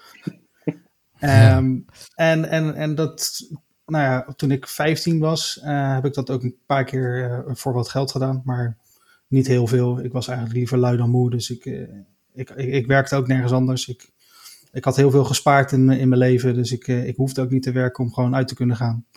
Um, maar ja, als je dan 16 bent, dan gaat je geld ook nog wel redelijk snel op als je gaat stappen. Dus op mijn negentiende moest ik wel echt gaan werken. Dus toen ben ik meer gaan werken. Maar dat was niet nog in de IT. Wel met elektronica. Ik was gewoon verkoper in een elektronicazaak. En um, dat was wel oké. Okay. wel veel verkoopervaring opgedaan, dus dat was goed. Um, ja. En daarna ben ik bij de Phonehouse gaan werken. En toen ik bij de Phonehouse werkte, toen heb ik nog meer aan mijn sales kunsten gewerkt. Maar toen bleek toch wel dat, dat het ja, het ontwikkelen van webapplicaties, dat dat meer bij mij lag. Dat ik dat leuker vond. Dus toen ben ik na de Fono's ben ik bij, als freelancer aan het werk gegaan bij, bij een IT-bedrijf hier in Den Haag. en dat heb ik eigenlijk steeds verder uitgebreid, totdat ik ja, samen met Redmar eigenlijk bij Digidentity terecht kwam. Waar we later ook Johnny tegenkwamen. Hallo. ja, dat was een klein geheimtje. Ik ken jullie al eigenlijk. Ja. nee, dat heb je goed weten verborgen te houden. Ja, precies. Nee, oké. Okay. Um, ja, hey Johnny, hoe is het bij jou eigenlijk begonnen? Nee. Ja, nee, ja ik, ik, heb het nog niet verteld in de podcast volgens mij. Uh, oké. Okay, maar nou, het is inderdaad voor mij wel een beetje een soort ander verhaal. Ik was meer gewoon een gebruiker. Ik was dan natuurlijk, ik ben ook iets jonger dan Redmar Benoit. Het scheelt niet zo heel veel, maar een paar jaartjes. Dus ik ben net even wat later zeg maar het internet opgeklommen. Um, maar ik was met name inderdaad een gamer en een gebruiker. En ik was heel erg uh, behendig geworden, vooral in het uh, downloaden van allerlei dingen via Kaza en uh, eDonkey en al dat soort programma's. we zullen het er niet over hebben wat het dan allemaal was en of dat allemaal zo netjes was natuurlijk. Maar goed, dat, daar, daar was ik met name mee bezig. En um, ja, op een gegeven moment werden social, social platforms werden een ding en kreeg je CU2 en Hives en al dat soort dingen. En met name bij CU2 volgens mij was er echt een een stukje dat je zelf ook echt HTML kon schrijven om je pagina er cooler uit te laten zien. Dat hebben ze volgens mij later bij Hives ook nog wel een stukje overgenomen. En daar ben ik eigenlijk pas begonnen. En uh, omdat ik toen al vrij snel tegen de limieten van die platforms aanliep, uh, ja, heb ik daar een link neergezet naar mijn eigen webpagina die ik toen bij de, bij de DSL, uh, ADSL-provider kreeg. En op die manier ben ik inderdaad ja, gewoon met een simpel editortje een beetje gaan lopen HTML'en. En ja, eh, dat, daar was het vrij wel bij gebleven. En ik was gewoon in mijn puberteit met name een gamer. En ik heb altijd in de supermarkt gewerkt. Ik heb elf jaar in de supermarkt gewerkt. En uh, daar, ja, daar verdiende ik uh, best lekker voor, voor die begrippen. Dus ik kon ook altijd alles doen wat ik, wat ik wilde. En toen op een gegeven moment, ja, dan ben je, ben je klaar met je middelbare school. En dan is het van, ja, wat, wat gaan we doen? En dan was het van, nou ja, ik ben wel goed met computers volgens mij. En uh, nou, zo ben ik er een beetje ingerold. Toen ben ik maar uh, informatica gaan studeren. En ja, van het een uh, is het ander allemaal gekomen. En ik moet zeggen, ja, het bevalt me uiteindelijk prima gelukkig. Ehm, maar ik, ik ben gewoon in loondienst en ik ben een loonslaaf. En ik, ik hoop ooit wel eens inderdaad ook een eigen bedrijf te vinden. Of in ieder geval een, een mogelijk ja, business case te vinden voor een eigen bedrijf. Um, maar dat is uh, op dit moment nog niet, uh, nog niet gebeurd. Maar ja, dus een hele, een hele andere route naar, uh, naar programmeur dan, dan van Redmar en Benoit. nou, leuk. Da dankjewel dat je het even gedeeld hebt. Ja. een beetje, een beetje een soort gelijke ervaring. Ook, ik, poeh, ik, volgens mij was ik wel rond de 14 of zo. Toen was ik ook veel met ja, met, met uh, het leren hoe in DOS uh, het, uh, het werkte. Dat kan ik me nog wel herinneren. Dat, ik was daar zo van gefascineerd dat je het beep-geluidje uh, kon in een batch-bestand kon aanpassen. Weet je wel? Dus dat je ook verschillende tonen eruit zou kunnen halen. En, en ik weet nog wel dat ik daar ook op een gegeven moment een deuntje uit. zo is het bij mij in ieder geval begonnen, die gekte. Ja. Maar goed. Um, Oké, ik, uh, ik stel voor dat we doorgaan naar, ons, uh, ja, naar de volgende rubriek in onze podcast. Um, dat is de developers dilemma's. nou, wat we daar doen, we vragen de, onze gasten om een keuze te maken uit twee dilemma's. Dat doen we drie keer. en ja, laten we eerst maar eens even voor de grap beginnen bij Redmar. Dus hou je vast. Kom maar op. En, uh, en, ben, en Benoit, en Benoit uh, val hem aan als je wil. Als, als je het niet eens bent. Doen we nooit. Um, dat doen nee. we nooit. maar goed, hey, uh, de eerste om een beetje warm te draaien. Um, pingpong of voetbal? Voetbal dan. Waarom? Ja, weet ik niet. Ik vind eigenlijk allebei wel leuk. bij voetbal kun je veel blijven staan, dat is dan wel ja. het voordeel.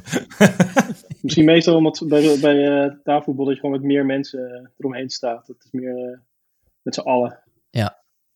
Ja, ja, ja, ja. ja. Ah, oké. Okay. Nou schiet er ook iets bij mij binnen. Inderdaad, als, je, als je pingpong zou kiezen, dan ja, ben je dan alone? Ja, ik weet het niet.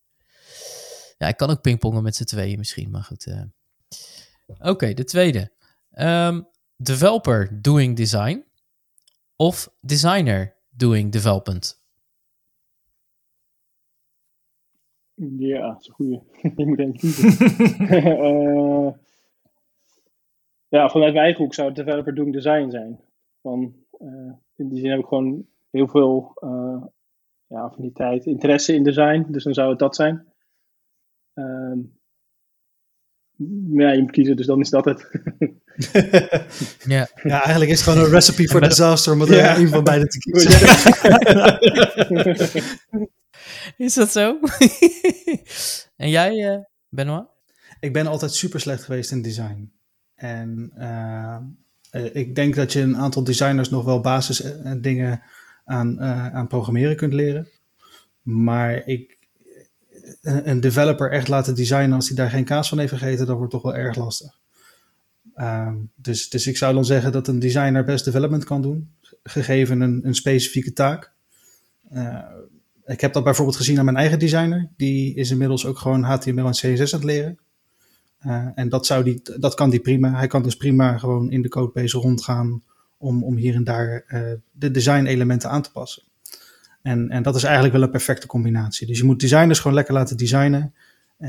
En het dan zeg maar pixel perfect kunnen maken. En dan developers lekker laten developen. Ja, ik zit ook zelf in een agile team, weet je wel, met uh, multidisciplinaire teammembers. En wat er altijd geroepen wordt, is dat iedereen maar alles moet kunnen. ja, ik, uh, ik denk dat dat wel een, uh, ja, gewoon wel een terecht punt is wat je zegt. Dat op een gegeven moment heb je toch ergens, ja, gewoon even net wat meer uh, ambitie of misschien ook wel bepaalde kwaliteiten in dan. Nou, het, is, het is ook wel leuk als je, als je alles kunt en alles weet, uh, maar dan weet je van alles een beetje. Dus je hebt, ook, je hebt wel echt experts nodig. Um, en, en, en zeg maar, wat ik dan als developer aan design doe, dat is zeg maar een paar schetsjes maken, dat ik denk van nou zo zou het er in mijn optiek ongeveer uit moeten zien. En dan geef je het aan de expert en die maakt er daadwerkelijk iets moois van. Ja. Ja, ik ben toch ook inderdaad wel altijd een beetje tegengekomen dat als je als developer een design aan het maken bent, dat je eigenlijk een design altijd aan het maken bent wat past bij hoe je, develop, hoe, je codebase eruit ziet, zeg maar. Een beetje in welke stappen je codebase uh, gaan, gaat ook ineens, wordt elk stapje in je code wordt een scherm. Terwijl dat niet per se altijd het uh, meest vriendelijke voor de gebruiker of voor, de, voor het design hoeft te zijn. Nee, maar in het begin is dat wel echt een hele zinvolle manier om, om je product te beginnen. Ja, ja dat want, want dat, dan krijg je het tenminste wel heel snel uh, in de markt. Ja. En dan kun je later al, altijd nog uh, ja, de designs fine-tunen en, en zeggen van nou welk scherm kunnen we samenvoegen en dan haal je die weg. Uh, en dan pas je je code daarop aan. Maar ja, om toch gewoon een beetje snel eruit te kunnen gaan, is, is, is het helemaal niet verkeerd om te zeggen nou we maken de designs die passen bij onze codebase en die passen bij onze architectuur die wij voor ogen hebben. Ja. Oké, nou, um, uh, de laatste, die gaan we richting uh, Benoit, gaan we wel even naartoe pushen. Um, ehm, 100% CPU of 2% batterij? ja, het is allebei frustrerend. Ehm, maar ja, 100% CPU dan maar. Want daar, daar, is 9 van de 10 keer toch nog wel net iets mee te doen. Uh, met 2% batterij Ja? houdt het toch wel snel op. eh Oh, ben ik bang. ja. ja, ik had zo net even de 100% CPU-probleem. ja, maar we zijn er weer, dus dat is snel opgelost. ja, ja, dat is ook wel zo. Ja. Dat is waar. Dat is waar. 2% Hè, de batterij als je in de trein zit is toch echt wel frustrerend hoor. Dat is, eh, ja, dat is helemaal waar. Dat is helemaal waar. Nee, helemaal goed. Ehm, even kijken. We hadden ook nog een, eh, een andere ertussen staan. Eh, ah ja, er was nog eentje van Saber, hè? Dat was zo'n. Oh, is dit? Ja, die had dat opgeschreven. Die wilde een. eh, Saber die wilde heel graag een, een code. Of nee? Programmeertaaloorlog. Oh ja, die had ik er voor de grap ingezet hoor. Dus dat... Nou goed, dan, eh, dan stel ik voor dat we nog even kort eh, stilstaan op een, eh, een best wel belangrijke vraag, vind ik. Ehm, welke programmeertaal is nou de beste?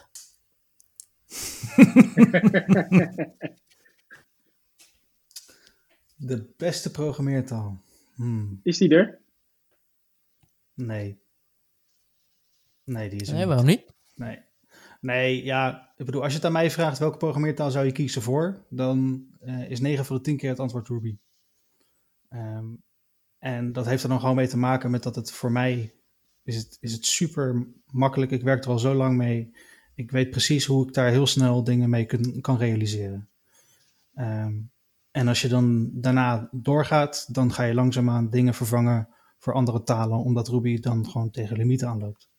En, en zo kijk ik eigenlijk altijd naar dingen. Dus, dus maar, je moet gebruiken wat het, eh, het snelste jouw doel ehm, eh, bereikt.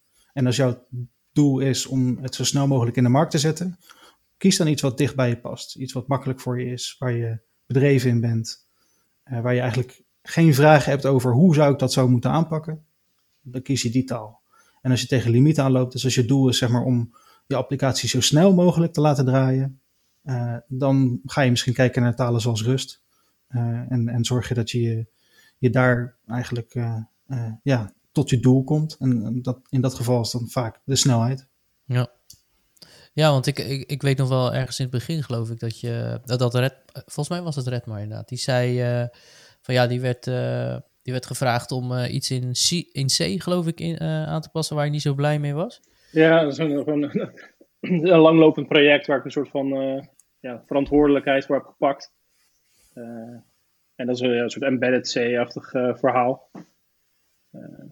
En dat is eigenlijk alleen maar het, het, hetgeen dat het, waarom het niet eh, ja, heel erg leuk is, is er, eerder omdat het gewoon dus het stukje embedded is wat heel langzaam gaat. Ehm, en waarbij je heel afhankelijk bent van de, de fabrikant. Dat het allemaal precies zo werkt als dat zij aangeven dat het werkt.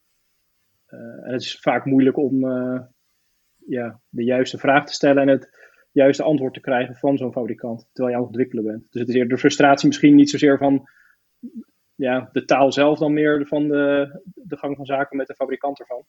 Alhoewel het wel zo is dat als je eenmaal rust hebt gedaan en je gaat C doen, dan heb je eigenlijk wel, eh, krijg je heel veel frustratie omdat dan, je dan merkt hoeveel de compiler voor je doet bij rust. Dus kleine foutjes, eh, typo's enzovoort. Het, eh, eigenlijk niet zozeer eigenlijk typo's, misschien wel echt meer inhoudelijke issues. Waarbij je iets verkeerd doet met een pointer, wat dan ook. En een rust die zorgt gewoon voor dat je dat niet, niet, niet kan doen eigenlijk. Oké, eh, moet ik dan denken aan IDE-ondersteuning of, of runtime-hulp? waar moet ik aan denken? Nou het zit in de compiler. Maar het, ehm, het wordt ook in je IDE aangegeven. Dus uiteindelijk merk je het eigenlijk super snel. Want eh, ja, dus meestal binnen een paar seconden zie je al gelijk. eh, ik denk dat het vaak zelfs onder een seconde zit. Zie je gewoon een aanpassing. Zie je zeg maar zo'n eh, een, rood streepje eronder of wat dan ook. En dan zie je gewoon dat de compiler je waarschuwt in je IDE. Dat je iets aan het doen bent wat niet, eh, wat niet helemaal mag. En wat dan in C zeg maar gewoon tot een eh zegvalt zou leiden. Maar in Rust krijg je gewoon een compiler error van eh, dat het niet helemaal goed zit. Ja, dus je compiler leeft gewoon echt met je mee en, eh, en, je, en die helpt je. Ja, Ja, nou, dat, is, dat is in ieder geval mooi om te horen. En is, zijn dat soort praktijken ook bij Ruby aan de gang? Of? in, in welke zin? Nou, gewoon dat je, dat je echt de ondersteuning krijgt, hè? De, de, de developer ondersteuning. Dat je, dat je sommige fouten die je compiler gewoon sneller ziet. Dat je, dat je gewoon snel eh, ziet van oké, er gaat iets mis. Ik denk dat het Ja, een van de ja. grootste nadelen is van Ruby, dat het dy- dynamisch is. Nee, maar je hebt, je hebt, altijd, nog, uh, je hebt altijd nog Vim, hè? Dus, uh... Oh, oké. Wauw. Oh, wauw. Ja, ja. Ja, daarom. Ik, ik zat er toevallig vandaag nog mee. Ah, oké. Dus in Ruby heb je niet uh, hele fijne IDE's om mee Jawel. ja, ja, heel goede ideeën. ja. ja. de beste is RubyMine, in mijn optiek. En iedereen die het daar niet mee eens is, kan met. Die moet, lekker, die, die, moet, lekker, die moet lekker Vim gaan gebruiken. Uh, ja, helemaal goed. starting a war, starting a war. nee, RubyMine is, is echt, uh, uh, ja, dat was echt een geschenk wat kwam. Want, daarvoor was het TextMate. En TextMate is een, is, was een fijne editor om gewoon lekker snel in te kunnen typen. Maar om gewoon snel code te kunnen schrijven, dan is het ook wel handig dat je heel snel door code heen kan springen en kan zien wat de oorspronkelijke source code is van bepaalde implementaties. En daar is RubyMine echt uh, geweldig voor. Uh, je hebt eigenlijk geen, geen Ruby documentatie nodig, want dat zit gewoon in je IDE daar uh, in begrepen.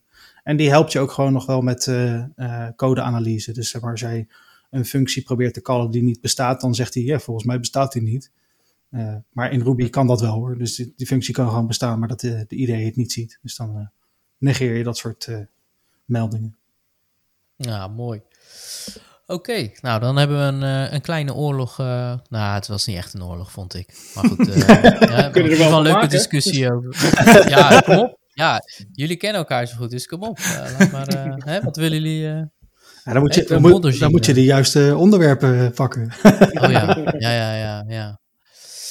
Nee, goed. Um, even kijken. Ik, ik, stel voor dat we weer doorgaan naar een uh, andere uh, rubriek. Dat zijn onze, onze rants in, uh, in het developerland. Um, en ik zag een hele mooie die Johnny had opgeschreven. Misschien kan jij hem even verder toelichten. Ja, nou ja, goed. Het, sch het schemerde net al een beetje door natuurlijk. Ik ken Redmar en Benoit en wij programmeren alle drie, of programmeerden uh, alle drie ook in Ruby. En in Ruby was afgelopen, uh, nou, twee weken geleden inmiddels, een, een aardige shitstorm ontstaan. Omdat er um, een licentieprobleempje was. En aangezien Redmar en Benoit ook in die Ruby-wereld zitten, hoopte ik stiekem dat ze dat ook mee hadden gekregen. Um, hebben jullie dat toevallig of niet? Die van de mime types. Ja. Ja. Ja, en uh, ik, ik, vroeg me af, want om even een ja, klein beetje uh, achtergrondinformatie. er is dus een, een library die veelvuldig gebruikt werd in, in Ruby-wereld, ook door Rails zelf. Dus een bepaalde versie van het Rails-framework, wat voor webdevelopment in Ruby gebruikt wordt. Um, daar, zit, daar, ja, daar zat een licentieprobleempje in in verstopt. Want die gem die gebruikte een bepaald onderdeel wat gelicenseerd was onder, ja, dan moet ik het goed zeggen, die was gelicenseerd onder GPL. En de gem die het gebruikte was uh, gelicenseerd onder de MIT-license. Um, wat er eigenlijk zo zegt als, zoveel zegt als ja, dat stukje wat er nou uh, wat gebruikt werd, dat mag helemaal niet uh, opnieuw onder een MIT-license worden uitgegeven. En alle software die daar vervolgens gebruik van maakte, van deze gem, in MindMagic in dit geval, die, ja, die was dus eigenlijk een soort van in strijd met, um, ja, met de licentie overeenkomsten die je aangaat zodra je die software gaat gebruiken. En dan vroeg ik me af, hè, dit, dit is nou iets wat naar boven is gekomen en hals over kop iedereen uh, kon ineens uh, zijn applicatie niet meer bouwen, want er werden versies uh, van, de, van die library werden gewoon keihard van het internet afgejankt en daardoor faalden beelds her en der. Dus het, ja, soort van hele Ruby-wereld stond in brand. Um, en ik vroeg me af, hebben jullie een mening over uh, open source uh, software en de licensing? En hoe gaan jullie daarmee om? Want ik moet zeggen, ik heb zelf nog nooit de, uh, ja, de, de, een license zitten lezen van een stukje software wat ik gebruik. Of wat, een, een library die ik wil gaan gebruiken. Maar ja, nu blijkt dat dat soms dus toch best voor problemen kan zorgen. Hebben jullie daar een, een bepaalde mening over? Mm, ja, we hebben vooral een tijd, eh, toen we bij uh, uh, redelijk actief waren, hadden, waren we eigenlijk wel woord van mening uh, dat je eigenlijk alles gewoon moet bundel packen. En dat heeft ons eigenlijk wel een paar keer volgens mij wel, wel geholpen. Um, dat is natuurlijk niet direct misschien antwoord op je, je vraag over, over die licenties, maar wel deel wat er nu fout is gegaan volgens mij. En dat is dat ze zomaar de boel hebben gejankt, de package weg hebben gehaald en dat iedereen een probleem had. Ons hele idee van uh, het bundel packen was juist dat je eigenlijk wat je oplevert, dat het een artefact is. Ehm, en dat het altijd soort van moet kunnen blijven draaien. En dat je dat, ja. En dat, dat is eigenlijk, volgens mij is dat ook een beetje ingehaald door Docker. Dat was toen eigenlijk nog voor Docker. Ehm, dat je tenminste altijd kon zeggen vanuit je source tree van uh, dit is een artefact en dit, dit, is, dit is te bouwen, zeg maar. En volgens mij sinds Docker zijn we daar een beetje van afgestapt, omdat we toch al nog steeds artifacts bouwen, maar nu zit het allemaal in een Docker verstopt. Um, nou heb je dan een voordeel met, met Ruby dat je daar gewoon de, die library van uit kan plukken, uh, de source code. Want had je dit dan zeg maar in een gecompileerde taal gehad, dan, dan had je daar alleen maar de, de, de binary staan. Um, ik ben zelf van mening bij zulke soort issues als dit, um, dat je eigenlijk immutable repos hoort te hebben. Uh, de, en volgens mij zijn die er ook in, in sommige talen. Dat dat de, de, de, de packager zeg maar immutable is. Dus dat je niet, het niet zomaar kan jenken. En als je het wil jenken, dan moet je het soort van in overleg doen met het team wat erachter zit. Uh, want ja, het is een beetje de vraag of, of, of dit niet een beetje een te zwaar middel is geweest. Het is een beetje net als een security, als er een security fix is die echt super, super high profile is, dan jenk je ook niet alles wat ervoor zit en maak je één fix aan. Um, want het resultaat is dat heel veel uh, bedrijven volgens mij hier echt, echt goed last van hadden. Uh, ja. En misschien wel zelfs uh, down konden gaan als je dus gewend bent om heel snel door te ontwikkelen. Tegelijkertijd is het misschien ook wel weer dat je heel erg met je neus op de feiten bent gedrukt. Dat je hier dus een, um, ja, een soort plan B voor moet hebben. Dat je hierop voorbereid moet zijn. Um, maar licensing-wise, gewoon puur van of we, of we daarop letten. Ik, ik probeer wel altijd wel een beetje te letten op dat het niet um, AGPL, GPL is. Omdat het voelt zeg maar gelijk al van, hier moeten we wat mee. Um, en heel vaak kan je het gewoon op MIT of BSD-achtige lijnen al lang krijgen. Dus dan, als je, al, in de zin van als je die keuze hebt, dan is die snel genomen. Ja. Um, maar ja.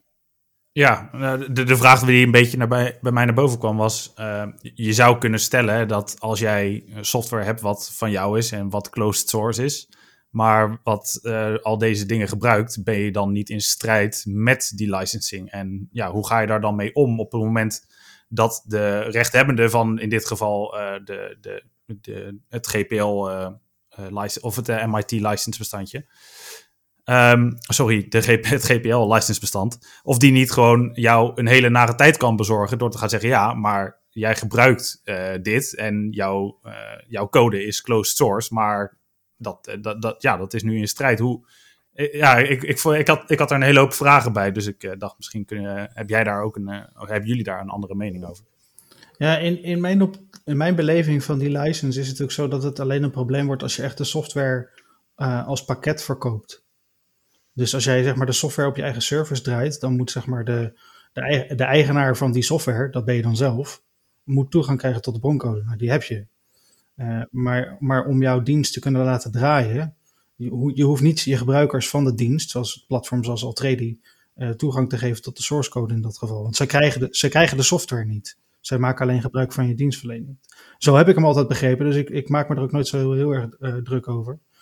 maar ik let er altijd wel op dat het een MIT of een Apache license is.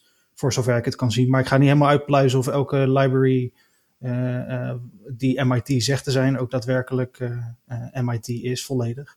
En dat je dus niet zoiets hebt zoals nu met die MIME types. dat, ze dat, dan, dat het dan blijkt dat ze een GPL-license gebruiken. En eigenlijk ook moeten voeren in plaats van een MIT-license.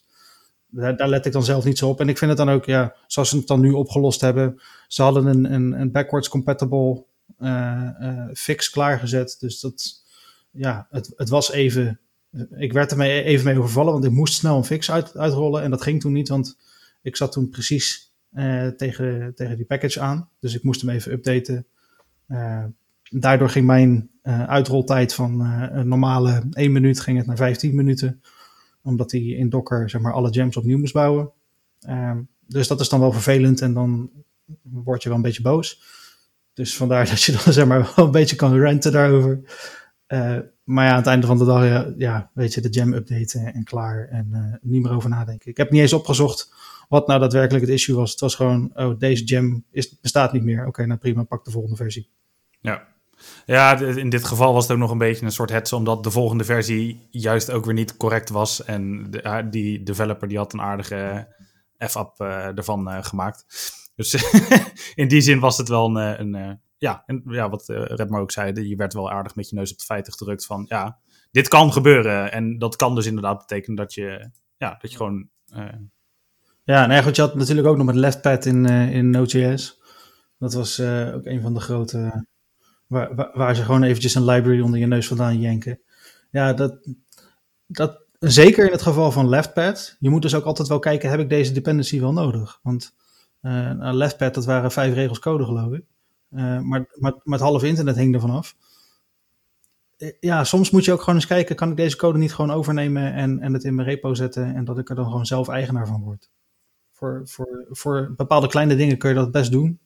Uh, voor grotere dingen moet je gewoon even goed kijken van is dit echt nodig? Kan ik het niet anders oplossen? En als dat niet kan, kijk dan even, is het MIT-license en denk er daarna niet te veel over na. Ja, dat hele licensing verhaal is echt een, een vak apart hoor. Um, ik merk dat ook wel eens in de quality assurance wereld. Hè? Dat zijn uh, sommige afdelingen waar ik dan, hè, bij, vooral bij de grotere bedrijven, dat zijn gewoon, ja, dat zijn gewoon bijna halve juristen joh. Die, uh, die weten echt alle ins en outs van. en vooral wat je net zegt, Benoit, van als je je product echt daadwerkelijk gaat verkopen, hè, dus ook gaat handelen, zeg maar. Ja, dan is het inderdaad ja, heel erg belangrijk dat je weet wat je, wat je shipt. Ja. dus uh, ja, nou, ik kan me best voorstellen dat dat wel wat problemen veroorzaakt. Vooral als je in dat soort, hè, dus de software die je dus echt downloadable maakt en dat soort dingen. Er zijn volgens mij ook wel oplossingen voor hoor. Volgens mij, volgens mij heb je in Rust heb je een sowieso voor Rust weet ik het zeker, maar die zal je ook wel in Ruby hebben. Iets wat je in je, zo'n soort tooling, command line tooling die je in CI kan hangen, die dan er maar bijhoudt of je een license gebruikt die dan niet zou mogen. Dus daar is gewoon eigenlijk een soort van ja, grote lijst met, met wat wel allow list of zo, deny list, wat wel of niet mag. en dan kan je het eigenlijk een soort geautomatiseerd doen. En dan heb je, maar goed, volgens mij is het daar het probleem ook weer van hoe groot is je bedrijf? Ben je voor jezelf bezig? Ben je een start-up die heel snel aan het ja, heel snel beweegt of ben je een groter bedrijf, daar zie je toch vaker dat, dat je meer, meer mensen, meer relatie hebt van, van programmeurs, mensen, medewerkers, die alles gewoon naar binnen trekken en niet echt soort van ja, goed kijken. En dan heb je eigenlijk juist weer wel echt quality assurance nodig om te garanderen ja, dat je daar dus niet fout gaat. Het hangt ook een beetje van het, van het, um, van het onderwerp af, zeg maar. Maak je zo'n soort corona-app melder of zo, die uh, merendeel van Nederland zou moeten gebruiken, dan is het heel belangrijk dat je het heel netjes in de gaten hebt gehouden. En, en, ben jij nog net aan met je paar eerste klanten bezig, denk ik dat het minder van belang is. Ook al is het, is het belangrijk dat je het een keer bijhoudt, maar uh, als je nog geen geld verdient, is het misschien minder belangrijk dan dat je iets gaat verspreiden over ja, half Nederland. Ja. Ja, en in dit geval ja, ga je er ook maar vanuit dat de license die uh, de, de andere auteur aangeeft, dat die ook weer klopt. En in dit geval was daar, lag daar het probleem. Dus uh, de, de, je, jij kan een goede inschatting maken. Je ziet een license van een bepaalde library die je gaat gebruiken. Oh, prima, die mag ik gebruiken. En dan vervolgens blijkt dat niet te kloppen. Ja, dan val, valt, het, valt het alsnog in het water.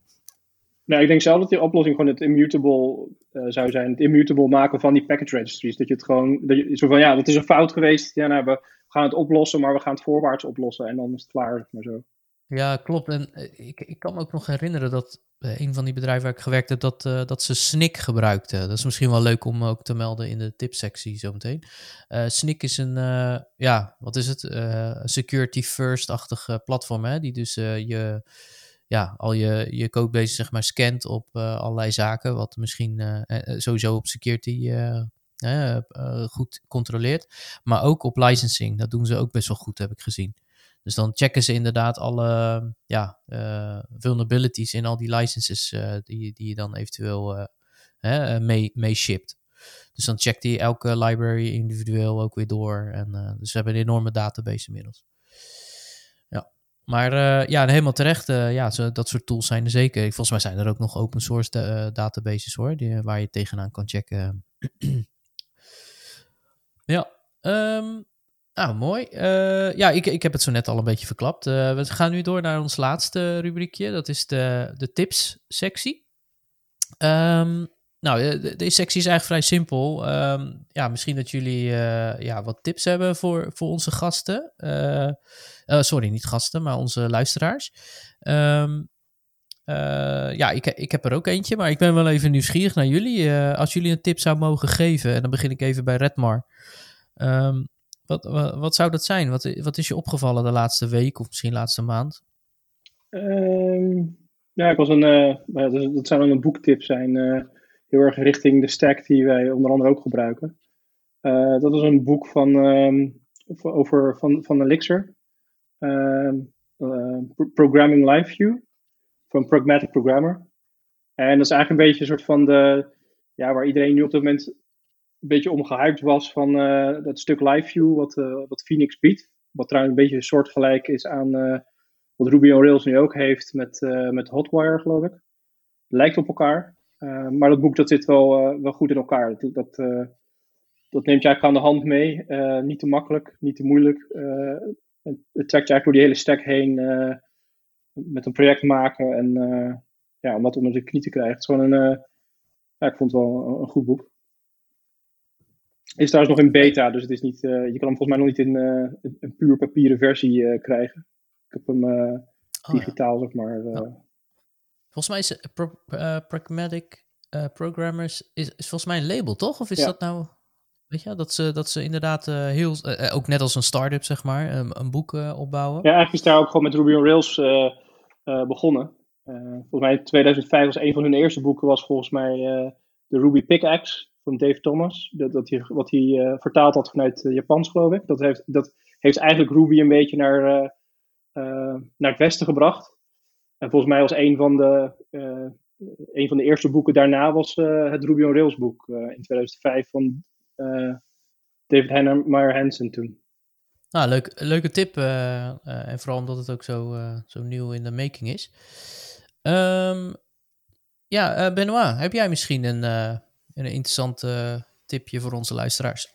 Nou ja, misschien niet helemaal onverwachts, maar eh, eh, ik zou zeggen, als je nog geen crypto hebt, Oké. het is, het is, het is altijd een goed moment om, om in te stappen. We hebben, ja, van, van de, de, de signalen die wij krijgen, is het zeker niet het, het, het, het, punt, het laagste punt wat we tot nu toe gezien hebben. Dus het kan altijd nog zakken. Maar dit- is wel de toekomst hoor. Dit, is, dit gaat niet meer weg. Ehm, het wordt alleen maar meer, het wordt alleen maar groter. En al- als je, als je nog niks hebt, doe iets wat je kunt missen. En doe ook wel vooral iets wat je kunt missen. Want als je je huis gaat verkopen, dat is niet zo handig. Eh, Nee. maar als je nog een paar honderd euro over hebt, doe jezelf een plezier. Koop er wat van, kijk er niet naar om. En kijk een paar maanden later om te zien of, je, of het eh, tranen van geluk of tranen van verdriet is. Eh, als het tranen van verdriet is, dan wacht je nog drie maanden. En dan heb je de. dan, ja. dan, eh, dan lach je en dan kijk je nooit meer terug. Ja. Ja, want de, Ja. de eeuwige discussie is natuurlijk eh, Bitcoin eh, to the moon. Wat, eh, wat gaat het worden ooit? Gaat het een miljoen raken? Gaat het een ton raken? Nou, een ton is niet zo heel ver weg meer inmiddels, maar Ehm, ja, het, het, het zou zomaar kunnen. Weet je, Eh, de, de, de Bitcoin-technologie zoals die er nu is, zou ik zeggen dat die niet helemaal haalbaar of houdbaar is. eh, omdat eh, ja, de energieconsumptie, dat, daar zijn, dat stellen mensen natuurlijk wel heel veel vragen bij. Overigens is de, de, de negatieve trend daaromheen niet helemaal terecht. Want er zijn ook echt wel eh, goede dingen die daaruit naar boven komen.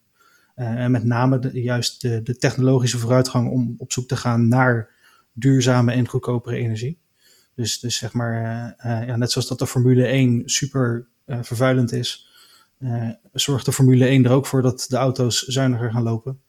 Eh, en, en zo zie je nu ook dat dat een trend ontstaat in, in, in, in de Bitcoin mining handel, waarbij ze dus op zoek gaan naar de goedkopere en de duurzamere energiebronnen.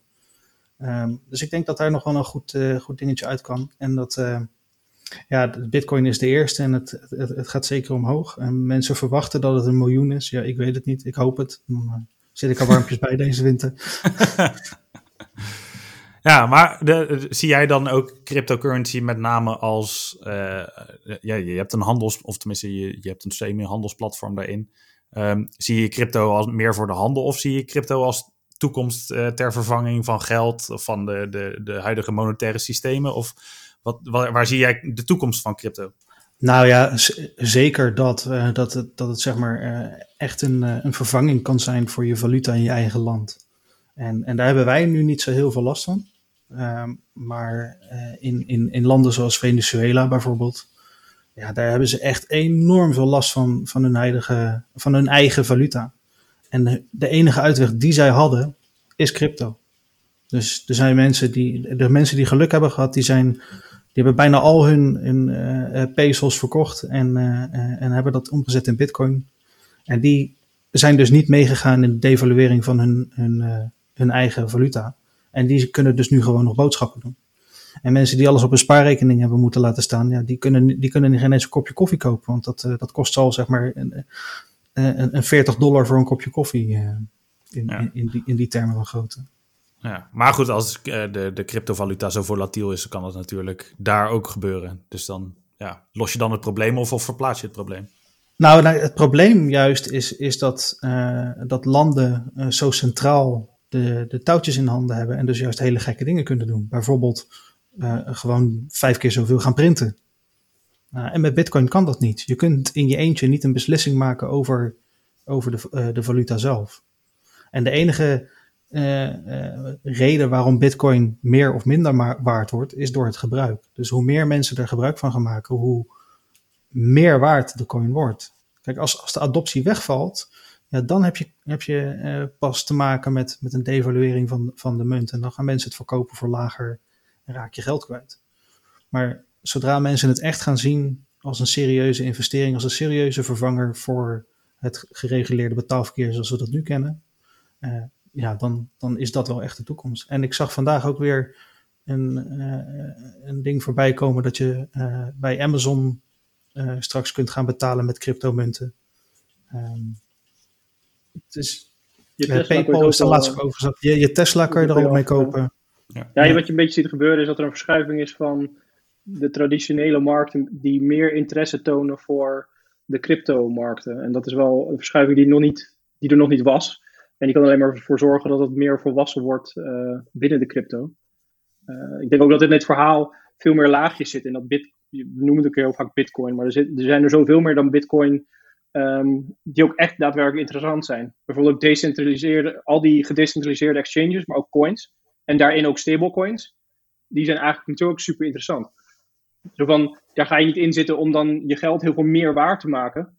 Maar het feit dat zo'n coin eigenlijk heel goed rond uh, ja, in dit geval de 1 dollar kan, uh, kan blijven. Dat is natuurlijk best wel interessant. Met name juist voor zulke soort landen die de devaluatie hebben. Ehm, dat je juist, dus aan de ene kant noemen we heel vaak maar Bitcoin van dat het heel volatiel is, alle kanten op schommelt. die kant gaat wel tot nu toe bijna met de hockeystick geloof ik omhoog. Maar aan de andere kant heb je dus ook stabiele coins die juist heel stabiel blijven. Dus er is, er is meer, er is gewoon heel veel meer aan de hand. Dus in die zin kun je het ook zien als een soort van evolutie met ja, heel veel verschillende um, strategieën die mensen uitproberen als coins. En um, ja, eentje zal er winnen. Of in ieder geval meerdere kunnen er ook winnen in die zin. Want je kan ook zien dat het één is het goud. In die zin, bitcoin is het goud eigenlijk waar je het in kan stallen. En, en je hebt andere coins waar je in kan betalen. Je hebt ook coins die super snel zijn. Um, en, en ook nauwelijks, uh, ja, dat die, dat die transactie ook heel snel gaat. Dus ik denk dat het gewoon eigenlijk zo is, het wordt gewoon langzaamaan volwassen ik zie het in die zin ook niet heel snel meer weggaan. Of met name ook door al het gedecentraliseerde spul. Ja. ja, het is inmiddels wel een beetje too big, too veel uh, ja, aan het worden. Ja. Dat, uh, dat zie je wel. Ja. Maar uh, Benoit, kunnen we al betalen met bitcoin bij Altrady? Of, Ja, zeker. dat kon, dat, dat kon, zodra de eerste betaalleveranciers dat, dat aanboden, hebben we dat gelijk toegevoegd. Ja. dat, is, dat is natuurlijk wel iets wat je wat je van, ja, eigenlijk vanaf dag één uh, moet doen. Als je, als je daarin bezig bent, dan moet je ook dat faciliteren. Ja. ja, het is wel grappig inderdaad, want ook in podcasting is uh, er nu een uh, podcasting 2.0 wordt het dan genoemd door Adam Curry met name. En daar kun je dus nu inderdaad ook ja, met behulp van het Bitcoin Lightning netwerk um, ja, kun je betalen eigenlijk voor het luisteren naar een bepaalde podcast. Dus op die manier wordt het ook steeds meer, meer ingezet. En nou, wat je zegt, een Tesla ermee kunnen kopen of uh, dat soort dingen. Ja, de adoptie zorgt ervoor dat het wel uh, steeds meer draagvlak krijgt en hopelijk ook gaat houden. Zeker. Um, even kijken, ik heb ook nog een klein tipje. Dat is meer vanuit, vanuit de, de, de test automation wereld. Um, ik hoor steeds meer om mij heen dat men aan het overstappen is van Selenium WebDriver naar Playwright. Hebben jullie daar iets toevallig over gehoord? Ik niet. Ik niet. Ah, Oké, nou mooi. Nou, dan heb ik ieder geval een gouden tip. Nee. Eh, nee. Voor al onze integratietests. Ja, precies. Allemaal overstappen. Ja, precies. Die twee. Nee, nee maar, maar ehm, eh, ja, Play- Playwright is, eh, ja, is volgens mij overgenomen. Of misschien wel door iemand van Microsoft opgezet. Ehm, en eh, wat, wel, wat wel gaaf is, is dat... eh, ja, het is met eh, Node.js eh, library gebouwd. En je kan daarmee dus tegen Chromium en Firefox. En eigenlijk alles wat de webtoolkit van, van Chromium en Firefox gebruikt. En ja, de marketing van Playwright die zegt op dit moment dat het echt gebouwd is om webautomatisering via verschillende browsers mogelijk te maken die altijd groen en capabel en betrouwbaar en snel is. En eh, eh, ik hoor dat er steeds meer teams eh, over zijn. En ze zijn dus ook echt al hun Selenium testen aan het omscripten. Dus ze hebben allerlei conversiescriptjes gemaakt, zag ik. En ja, ze geloven daarin. Dus wellicht kan je. Ja, we, stoppen de link zo meteen in de show note. Kijk er eens een keer naar probeer het eens uit. Er zijn ook wat onderzoekjes die je op Google kan vinden. Die echt aantonen dat het sneller is.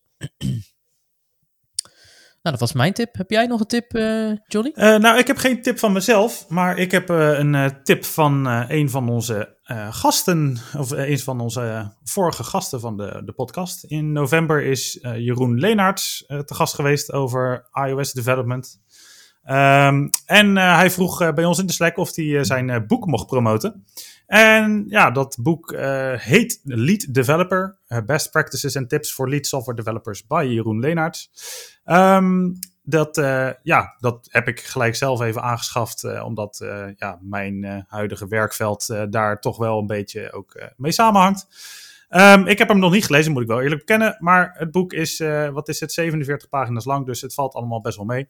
Ehm, en speciaal voor de luisteraars van Codeklets had eh, Jeroen gezorgd voor een leuke korting. Ehm, uiteraard is nu precies de link dood, dus ik kan het nu even niet bekijken. Volgens mij was het 50%. Ehm, dus eh, dan kun je een, eh, een eh, leuk boek van een van onze oudgasten aanschaffen en hem daarbij helpen en supporten. Dus nogmaals, lead developer van Jeroen Leenaerts. Hartstikke tof. Dankjewel voor het, voor het delen inderdaad. Ik was het alweer vergeten. We zagen dat in, in de Slack-kanaal. Ja. Oké, nou dat was hem weer, beste luisteraars. Ehm, allereerst eh, heel erg bedankt eh Redmar Kerkhoff en eh, Benoit Klaassen voor jullie deelname. Graag gedaan. We hebben echt veel geleerd over crypto trading en het platform Altrady. Ehm, dus ja, ik denk dat we veel luisteraars hiermee blij kunnen maken door, door het even vanaf het begin zeg maar, uit te leggen wat het nou precies inhoudt en, en de details over hoe jullie eh, het platform hebben opgebouwd. Dus dank voor het delen daarvoor. Ehm, nou ja, in ieder geval leuk dat jullie hebben geluisterd weer. Ehm, we verwelkomen jullie ook eh, op onze website codeklets.nl. Daar staat een link eh, naar onze Slack-kanaal, waardoor je hè, dus ons kan vinden en verder zou kunnen kletsen over code of andere zaken. We tikken al de 102 eh, eh, eh, hè, mensen al aan, dus join the fun zou ik zeggen. Eh, verder nog eh Salves ook heel erg bedanken voor, hun, voor het mogelijk maken van onze online eh, opnames. Eh, het gaat niet altijd heel erg probleemloos zoals vandaag, maar goed, we hebben het beste van gemaakt. En ja, we zijn daar natuurlijk uiteraard dankbaar voor, aangezien we elkaar niet fysiek mogen ontmoeten. Nou, dat resteert mij nogmaals iedereen te bedanken. En ja, tot de volgende keer weer. Hoi.